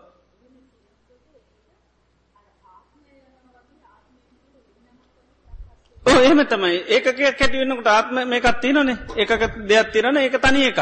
එතට ආත්ම දෘෂ්ටියට සමගාමය තියෙන මතයක්. එතොට ගන්ධබ මේකත් එහෙමයි ගන්ධබ වනත් පංචුපාදනස්කන්ද ඇත්තම තියෙන්නේ. ඒට හැකන්නේ. ගන්ධබියෙක් වෙලා සැටි සරාගෙන ගී ලායමාවකට ගියත් ඒත් පංචුපාදනස්කන්ද ඇත්තමයි. එතේ මේ එතොට ගන්ධබ්බ ඒකට මොකක් දෙක කියන්නේ? අන්තරාභාව නේද? අන්තරාභාව කියන වචනෙත් වැරදි. අන්තරා ජාති කියන්න ඕනි. උපද ඉපදීමට උපදින්ට ඉස්සල තවතැනක උපදින අතට. භවය කියන එක කියන උපත නෙවෙනි භවය කියන සකස් වෙනද ආනකයි භවය කියන්නේ කෙත කෙත කියලා කියන්නේ. කෙතේ අතරක් නෑනේ කෙතවල් තියෙන තුනයි. නේද? එක කාම කෙතතියි එම නැත්තං රූප කෙතතියි අරූප කෙතේ. තව හතර කෙතක් නැහැ. එහනම් අන්තරා වාකද අන්තරා බව නේද? ඕ අන්තරා භවනවේ කියන්නට මොකක්ද අන්තරා ජාතිී. උපදින්ට ඉස්සල්ල තවත් මොක කරි වෙලා ඉපදිල හොයාගෙන හොඳම්ම කෙනෙක් හොයාගෙන එයා ළඟට කියල පිසිහිත ගන්නවා. ඒක වෙනවන ඒකත් තියෙනමගදද. ඒත් ආනුපතත් තියෙන්නේ. ඉති එතනත් තියෙනමකක්ද පංචුපාදානස්කන්ධයක් ආන්නේක.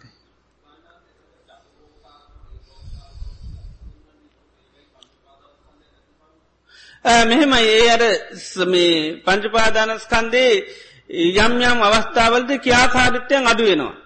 තේරන දේ කියාකාරිත්‍යයන් අඩුවෙනකොට තමයි එක එක දේවල් අපට යටපත් කිරීම හැකියාවතියෙන යටපත් කරනකොට අන්න එතකොට දැන් රූප පාවිච්චි නොකරන කාලයක් තියනවා. එතර රූපේ නැත් නිරුද්ධ කරා කෙනෙක නෙවේ යටපත් කරනවා. එතකොට එතනදී අන්න චතුවෝකාර බව කියන මොකද පංචුපාදානස්කන්දේ අ රූපස්කන්දේ පරිහරණය ඒ කාලෙට එයා නිරුද්ධ කරලා තියෙන්. නමුත් ඒක නැති කරා කියන එක නෙවේ. ඒ වගේ අර එක එක ස්කන්ද අඩුක අඩුවෙන අවස්ථාවල් තින එක තමයි චතුවෝකාර එකෝකාර මේ කියල කියන හතරම නැති අවස්ථාතින එතමයි රූපස්කන්දය විතර ඒ තමයි අර අරූප. මකදද? අසං්‍ය තලේ අසං්‍ය තලේ තොට ඒක වෝකාර කියන එකයි එක ස්කන්දයක් විතරයි ක්‍යාත්මක වෙලාති අනිත්තේව යටපත් කරලතින්. ඒක සදාකාලික නැතිපත් නැති වුණනා කියන එක නෙවේ අට තාවකාලිකෝ යටපත් කරලා. මොකද මේ දැන් කාමය ගැන කියනකොටත් බුදුරජාන් වන්සේ කියනවා තාපසයින්නවනේ ඒ තාපසයන් ගැන කියනකොට කියනවා කාමේසු වීතරාගි. කාමයන්ගේ වීතරාගි කැන රාගේ නෑ එතුර රාගේ සම්පූර්ණ නැති කරා කෙනෙකදේ. නෑ. දැන් සූත්‍රවල තින සුනෙත්ත කියලා සාතරු ඒ වගේ තාපස අය ගැන බුදුරජාන් වන්සේ විස්තර කරනකොට කියනවා ඒ තාපසය කාමේසු වීතරාගේ කියන කාමයන්ගේ රාගෙනය කියනවා. එතොට ඒකෙන් සඳහන් කරනවා දෙයා සම්පූර්ණ රාග දුරකරපු කෙනෙ කරනෑ වීතරාගේ කියන යා කාලයකට කාමයන් පිළිබඳව නොවලඉන්නවා. ආනේ වගේ අර පංචුපාදානස්කන්දය සම්බන්ධවත් අපිට මේ ඒක මේ පාවිච්චි නොකර ඉන්න පුළුවන් අවස්ථාවත්තියන ඒකෙන් කියන්නේ මේ පංචුපාදානස්කන්දය කොරසක් අයින් කරා කියලා. ඒකෙදි යටපත් කර ගැනීමත්තින දැන් අරූපාවචර ජාන දියුණු කරනකොට යා රූපය සම්බන්ධව පාවිච්චි කිරිල්ල නැති කරනවා හිතින්. එතර රූපාරම්මන මොකුත් නෑ අරූපේ තම හිත එතර රූපේ එත භාවන කරනකට රූපේ තියනවානේ රූපය නැතිවරාද භාවනා කරන්න. දැ රූපයක් ඇතුවනි දැන්ය භාවනා කරන්නේ. නේද. එතර රූපේ තියන හැබැයි රූපය අරමුණ කරන්නේ නෑයා ආන්නේකයි. එත රව ඒකෙන් කියන්නේ රූපස්කන්දේ එයට නෑ කියලා රූපස්කන්දේ තියෙනවා. අන්න පාවිච්චි කරන්නේ නැහැ. එතොට ඒකයි අර අරූපිලෝක අරෝමවට ගියාට පස්සේ එතනද ඉවහාර කරන්න නිසා නෑකින වචන පාච්චි කරන එහම නැතු ඒකින් නිදහස් වනා කියන එක නෙවේ ඒකයි. ඒ වචන එක එක විදිහට පාච්චි කරන අපේව හඳුන ගණ්ඩෝන එක නිරෝධය කියන එක මේ මොහොතේ දෙයක් නිරුද්ධනකොට නිරෝධ කියන සම්පූර්ණ නැතිනකොටත් ඒකටත් නිරෝධය කියන ඒකයි. මේ මොහොතේ සිතුවිල්ලක් හටගන නැතුුණ ඒකටත් අපි කියන නිරෝධය කියලා. සම්පූර්ණම සිතුව මේ හේතු පල දහම නැතිවෙන ඒකටත් නිරෝධය කියලා කියනවා ඒකයි. ඉති ඒ නිසා ඒ වචන ඒ වෙලාවේ අපි දශ්‍ය වෙන්න ඕනි මොකේටද මේ පාවිච්චි කරන එකයි අර්ථ කියන එක හොඳට දැනගන්න ඕනි කියන්නේ. අර්ථ දැනගත්තාම තමයි ධර්මයන්ගේ ආන වැටහීම මිසක් අනවබෝධ ඇතිවෙන නැහොඳට අර්ථ මොකරද මේ කියල තියනික අපි අර්ථ විමසන්ඩෝන් ඒකයි. උතුරු සල්ලුව දැමීම ටිකින් ටික අතුර දහම් වී යයි. එය අත්‍යවශ්‍යද. මෙහෙමයි දැන් එක එක පුද්ගලයන්ට තින යුනිෆෝර්ම් එකක් නේද? ඇඳුමත්තියනද පොලිස් කෙනට ඇඳුම තියනකට තමයි එයාගේ පවුරු සත්තේ විදහ දැක්වෙන්නේ. නිකං ගයාම අපි ගණන් ගන්නෑ නේද? පොලිස් කාරය නිකං ගයාම ගණන් ගන්න. ඇඳුමත් එක්ක ගරු කිරිල්ලක් බයවීමත් තියෙනවා. ඒවාගේ තමයි අර සිල් ගන්නයටත් ඒ උතුරු සල්ලුව ඇඳගෙන සුදු ඇඳුම් ඇඳගෙන ඉන්නකොට අන ස්වභාවිකව අනිත් අයත් ගරු කිරිල්ලත් තියෙන තමන්ටත් ආන මම අද සිල්ගත්ත කෙනෙ කියල තියෙනවා. නැතුවේ ඒ වත්‍රයේ තියෙන මේකක් නෙවේ සමාරතන උතුරු සිල් රෙදිවල සිල් නෑ කියල කියනවා. ඉති ඒක ඇත්ත. නමුත් මොකද ඒ තැනට දැන් සිවරු සිවරුවල මහනකම නෑ කියලා සිවරු අතල්ල ඉඩුලන්ද. නේද? අපි රෙදියන ගිහි රෙදියන්න ඉන්න. ආසිවරනවේ මානකම තියෙනෙ කිලෙහෙම බැඒ නැත ඉතු බුදුරජාන් වන්සේ වෙනම සාාවකයන්ට සිවරු පෙන්න්න ඕන්න නම් ගිය යනුම් පිටිම් ඉඩ කියනවා. නේද? මකද ඒ මේ චරිතයට අවශ්‍ය මේ ඇඳුම් පැළඳුම් තියෙනවා. ඉතේ නිසා ලෝකයේ එකයි ඕ සම්පදායක් හැටියට. ඒ අවස්ථානුකොල මිනිස්සු ඇඳුම් පාච්චි කරන අපි ඇඳුමත් එක්ක තමයියා ඊට පස්සේ හඳුන ගන්න ආමයා මෙහෙම කෙනෙක් කියලා නේද? ආන පොලිස් ඇඳුනාකාව යා පොලිස්කාරයෙක්. බරුවට ඇඳගෙනාවත් පොලිස්කාරයෙක්. නේද? ඒ වගේ ඒකයි. ඉතින් සිල් ගත්ත දාට උතුරු සරුව දාලා සුදු ඇඳු මත්දායනගන්නකොට අපි දන්නවයා සිල් ගත්ත කෙනෙක. තොට ඇත්තේ කනවස්සේ කතා කරන්න අනිත්තා යන්න අගෞරෝ කරන්න විහිළු තාරු කරන්න. ඒවාගේ ප්‍රතිලාබ ගොඩ අත්තියනවා තමන්ටත් හැඟීම නිතන තින මං අද සිල් ගත්ත කෙනෙක් ආනේ කමකද අපි සාමාන්‍ය ඉන්න විදිහට මින්ඩේජය මතකෙන්ට පුළුවන්නේ. ඉතින් දැම් චූටි ළමියකුටත් පොඩ්ඩක් සුදු ඇඳුම් ඇඳලස් මේ උතුරු සරු දැම්ම එයත් පොඩ්ඩක් බිම්බලන්න පොඩි වෙලාවක් හරිති නේද? එතට එයාට පිහිටන ගතියක් තියෙන හොඳර බලන්ද නේද? නිකං වෙලාවගේද කියල චුට්ටක් සරමක් අන්දලා මේ කමිසි අන්දල උතුරු සරුව දැම්මම ලෙන්සුවක් අතර දුන්නාම එයත් පොඩ්ඩක් බිම්බලාගෙන යනවා. නේද? ඉති එතට ඒ ඇඳුම තියනවා යම් මේකක්. ඉතින් ඒ නිසා අපි සිල්ගන්නකොට ඉතින් ඒ අපේ ඇඳුම පාවිච්චේ ඉතා වටිනවා. එතනදී තමන්ටත් අනුන්ටත් ලොකු මේක ඇතින සමල්ලට කවරු දන්නතුවන තැවල විලු තාරකාන්න පුල අපි අපිට කියන්නුන අප විසිල්කි අනේ සමාවෙන්ට කියල කියන්නුන හිට පස්ස. නේද? නැත්තඟ යකේ සිල් ගන්න යෝම දින්න කියලා? නේද. ඒ නිසා ඒ දේවල් විහාර වචයටන් ඒව පාවිච්චි කරන්න ඕන. එතවට පහසුයි. ඉති අපි පොලිසියට ගිල්ල මේ නිකන් ඇඳු ඇතන ගියත්ත මිනිසු ගන ගන්නන නේද? ඒකයි තියන්නේ. ඊළඟට නඩුකාර කෙනෙ එයාගේ අදාල ඇඳුම තියෙන ඒ ඇඳන ආපුහම තමයි තියෙන්නේ. නිකං ඇදනක හිටියත් අපි දන්න තාම නඩුකාරයනකම් බලා නිදී අපි නේද? ඒකයි. ඉති නිසා අර ඒ තැනට ඒකයි පුද්ගලයන්ගේ පවරු සත්‍යය විදහදක්වන එකක් මේ ඇඳුම කියන කිති ඒකට අවතීරණු නහම ඒ පවරු සත්‍යය පාච්චි කරන්න පුළො ඒකයි.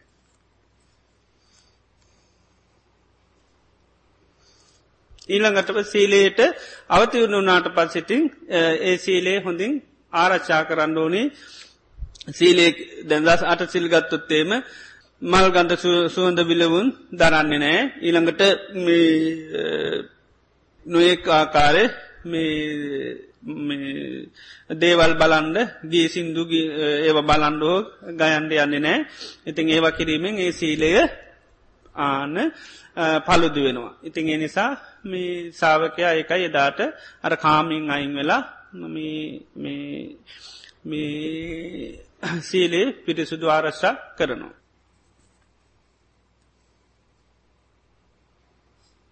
මම ආනාපාන සති භාවනාවෙන් සමාධ්‍ය ඇති කරගෙන විපස්සනාවට ගිය අවස්ථාව ගිය අයෙක්වෙමි.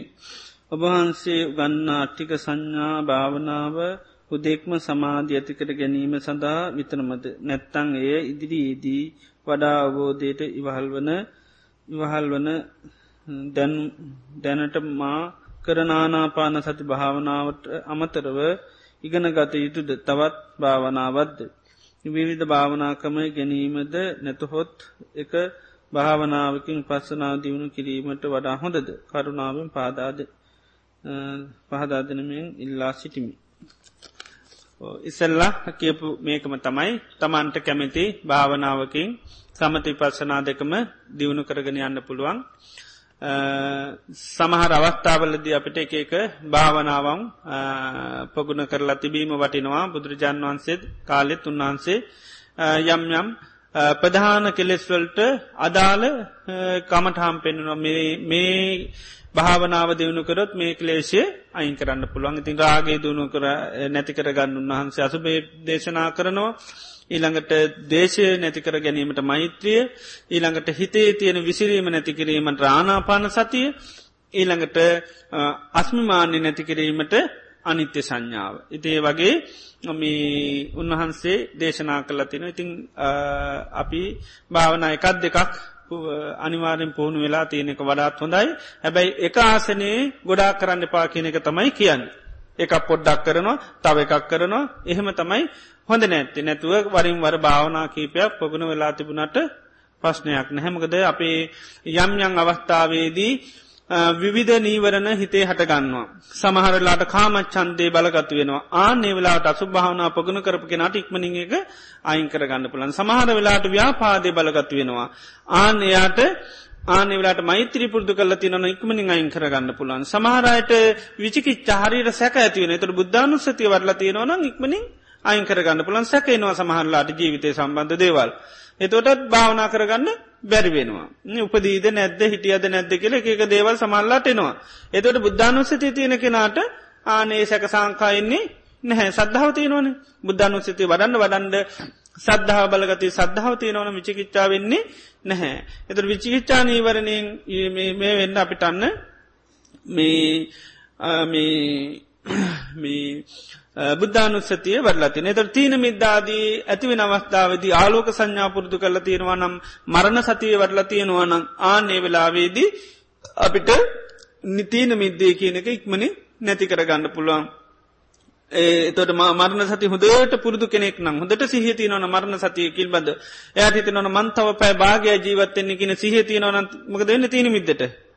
ආන්න යටපත් කරගන්න පුළුවන්. ආන්නේ විදිහට ඒව ප්‍රබලව භාවනා වැඩල තියෙනවනං සමහර අවස්ථාවල්දි ප්‍රබල වෙන නීවරණයන් අන්න යටපත් කරගන්න අවස්ථාව තියෙනවා. එතොට සමාධි හොඳට හිතේ වැඩල තියෙනවනං අන්න උද්දච්චකුක්කුච්චට හිත පත්වෙන්නේ නැහැ.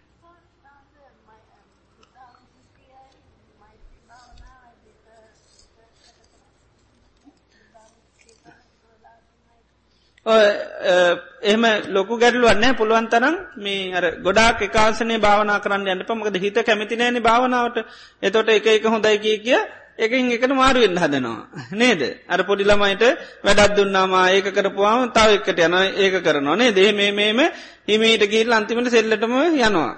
ආන්නේ වගේ තමයි හිතත්. භාවනාවෙන් භාවනා මාරු කරලා හිමීටම අතුරු දහංගල යනවා. මොක දෙකක්වත් අන්තිමට රුචි නෑහනම් අදමට භාවනා කරන්න බෑකිල හිතනවා න එකමකක්වත් වැඩිල නෑන ආනකයි.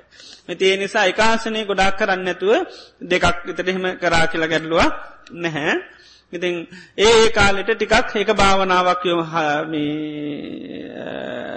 පුහුණු කරමින් යන එක හොඳයි තොට ඒක හොඳට ප්‍රගුණ වෙන ඉතින් කාලෙකෙද තවත් භාවනා කොන්න පුළුවන් අත්තදා බල්ල කරන්න එතොට ඒක වැඩෙනවන ඒක කරනවා. මොකෙන් හරි නේද. ගොඩ එන්ඩ යෝනි නේද? පහන් කාලාරි බත් කාලාරි ජීවත්වෙන්න නෝනි නේද? ඒ වගේ මේකෙන් ගොඩන්න මොකක් කරි කමන්න අන්න එකයි ඉතින් ඒ නිසා සමාර වෙලවලුත් කාලා ජීවත්වන සමාලු ුණු කැඳ මුජීවත්වනවා නේද? මොන හැරි කවන්න කරන මේකෙන් නිදහස් වෙඩ්ඩ හැකියාවත්ති නොනම් අන්න ඒ මොන වනත් කමන්නේ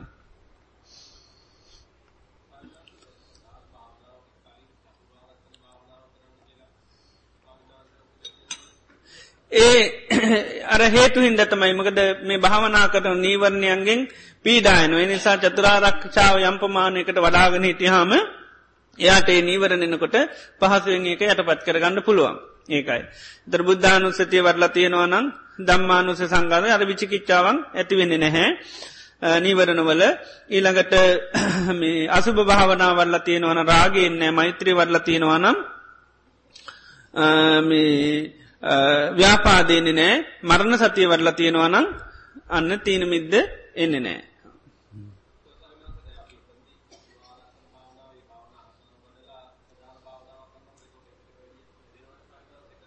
මකදද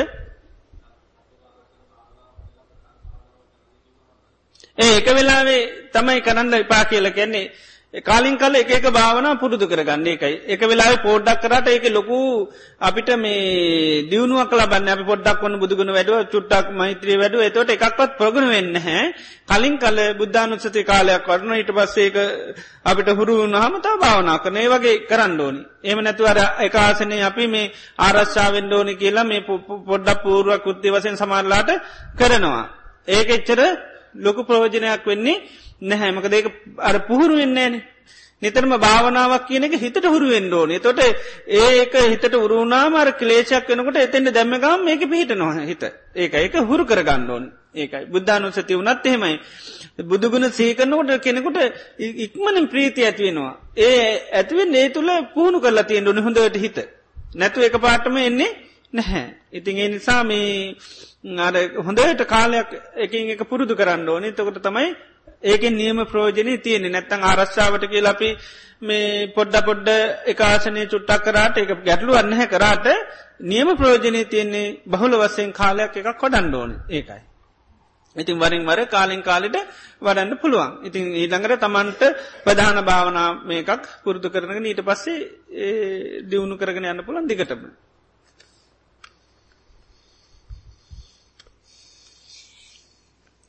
මම අද ප්‍රථමවතාවට අත්තික සංඥාව ඔබගේ උපදේශවලට අනුකූලුව කළෙමි. එය මට සමාධී ලැබීමට උදව් විය. නමුත් මා නේශනය කරදය වූයේ වරින් වර මගේ කය දෙස බලමින් ඉන්නවා වෙනුවට මම බලමින් සිටියේ මා ඉදිරියේ තියෙන කැඩපතකින් පෙනෙන වගේම ඇට සැකිල්ල දෙසේ. මම මෙය පෙනුණු විට මට මේ පෙනුණු විට නැවත මගේ කය තුළට අවධානී යොමු කෙළෙමි. නමුත් වරින් වර මට තේරුම්ගියේ එම ඉදිරි පස්ස ඇති මගේම ඇටසැකිල්ල ඡායාවක් දෙසය දේ ඕදෙසේ මා ඉදිරියේ ඇති කැඩපතකින් බලන්නාසේ මෙහි යම් දෝෂයක් තිබේද. නිතරම මගේ කයටම අරමුණු කළ යුතුද. අට්ටික සංඥා වඩනකොට තමන්ගේ කයටම පුළුවන් තරං හිත යොමු කරගන්න. මේ මුලින්ම ප්‍රධානෝම අවධාන යොමු කරගන්න අර සිහිකිරීමට මේ කයේ ඇට සැකිල්ලත් තියෙනෙ කෙළෙතුට මේ කය කියනකොට තමන්ගේ කය අරමුණු කරගන්න ඇට සැකිල්ලත් තියෙනෙකි නොට බාහිරෝතියන නිමිත්තක් තමන් තුළින් බලන්න. ඒක නොදැක කියලා ඉක්මනින් මේ වෙන්න දෙයක් නෑ. අර මනස්කාරය විතර කොඳට පවත්තන්න ඒ ඒ තුළේ තමයි ඊට පස්සේ අර සිහි කරන්න සී කරන්න සහි කරන්න තමන්ට මේ කයේ ඇරසැකිල්ලත් කාලයක් යනකොට පේන පට අපට තියෙන්නේ සංඥාවක් හැටිට මේකයේ තියෙන් ඇට සැකිල්ලක් කියලා ආන්න සීහ පීටුව ගණ්ඩ යපි අර මේ මනසිකාරය පවත්තන්නේ නිසා නොදැක්ක කියලා ලොකු මේකක් ඇති කරගන්න දෙයන්න චායාවක් ඇටියට සංඥාවක් ඇටිට ඒක මේ අට්ටික සංඥා කියලා ගැනෙත් ඒකයි සංඥාවක් ඇටිට ඒක දියුණු කරනවා. ඉති නිසා තා ඉන්න ඉරියව්වටම පුළුවන් තරම් මේ කරන්න මොකද හිත තොට එතන තමයි පිහිටන්නේ. බාහිර දෙයක් මේ වුණහම ඒක සමල්ලාට වෙනස්කං විවිධ විදිහට ඇතිවෙන්න පුළන් එක ඒ නිසා මේ සාමාන්‍යින් ඉන්න ඉරියව්වට මේක ඇට සැකිල්ලත් තියෙන කෙන සංඥාවක් ඇති කරගන්න එකෙන මේ අයේ ඇට සැකිල්ලත් තියෙන එක අටික සංඥාවකයන් ඒකයි සංඥාවත් දියුණු කරනවා. ඒ තුළ මොකද වෙන්න අපේ හිත සම්පූර්ණම තැම්පත් වෙලා එනවා. එනිසා මනසිකාරය අත්නොහැර දිගටම කරන්න මනසිකාරය එක්ක තමයි අර හොඳට මේ කය කෙනුට ඉන්න කය හොඳට තමන්ගේ හිතින් දකිින්. ඉන්නරියාව ඇට සැකිල්ලත් තියන්නේ කෙන තටර් බාහිර අපි දැකලති අට සැකිලේ වගේ මේක ඇත් සැකිල්ලත් තියෙනවා කියන අන්න අවබෝධය ඇති කර ගන්න. එතෝට ආන ටිකෙන් ටික කරනකට හිත මේ තුළටම පිහිටුන සිහ තොට මේ තුළම පීටා තියනති සති පට්ටානිකන්නේ එකයි සහ පීටවා ගන්න තමන්ගේ කය පිළිබඳව.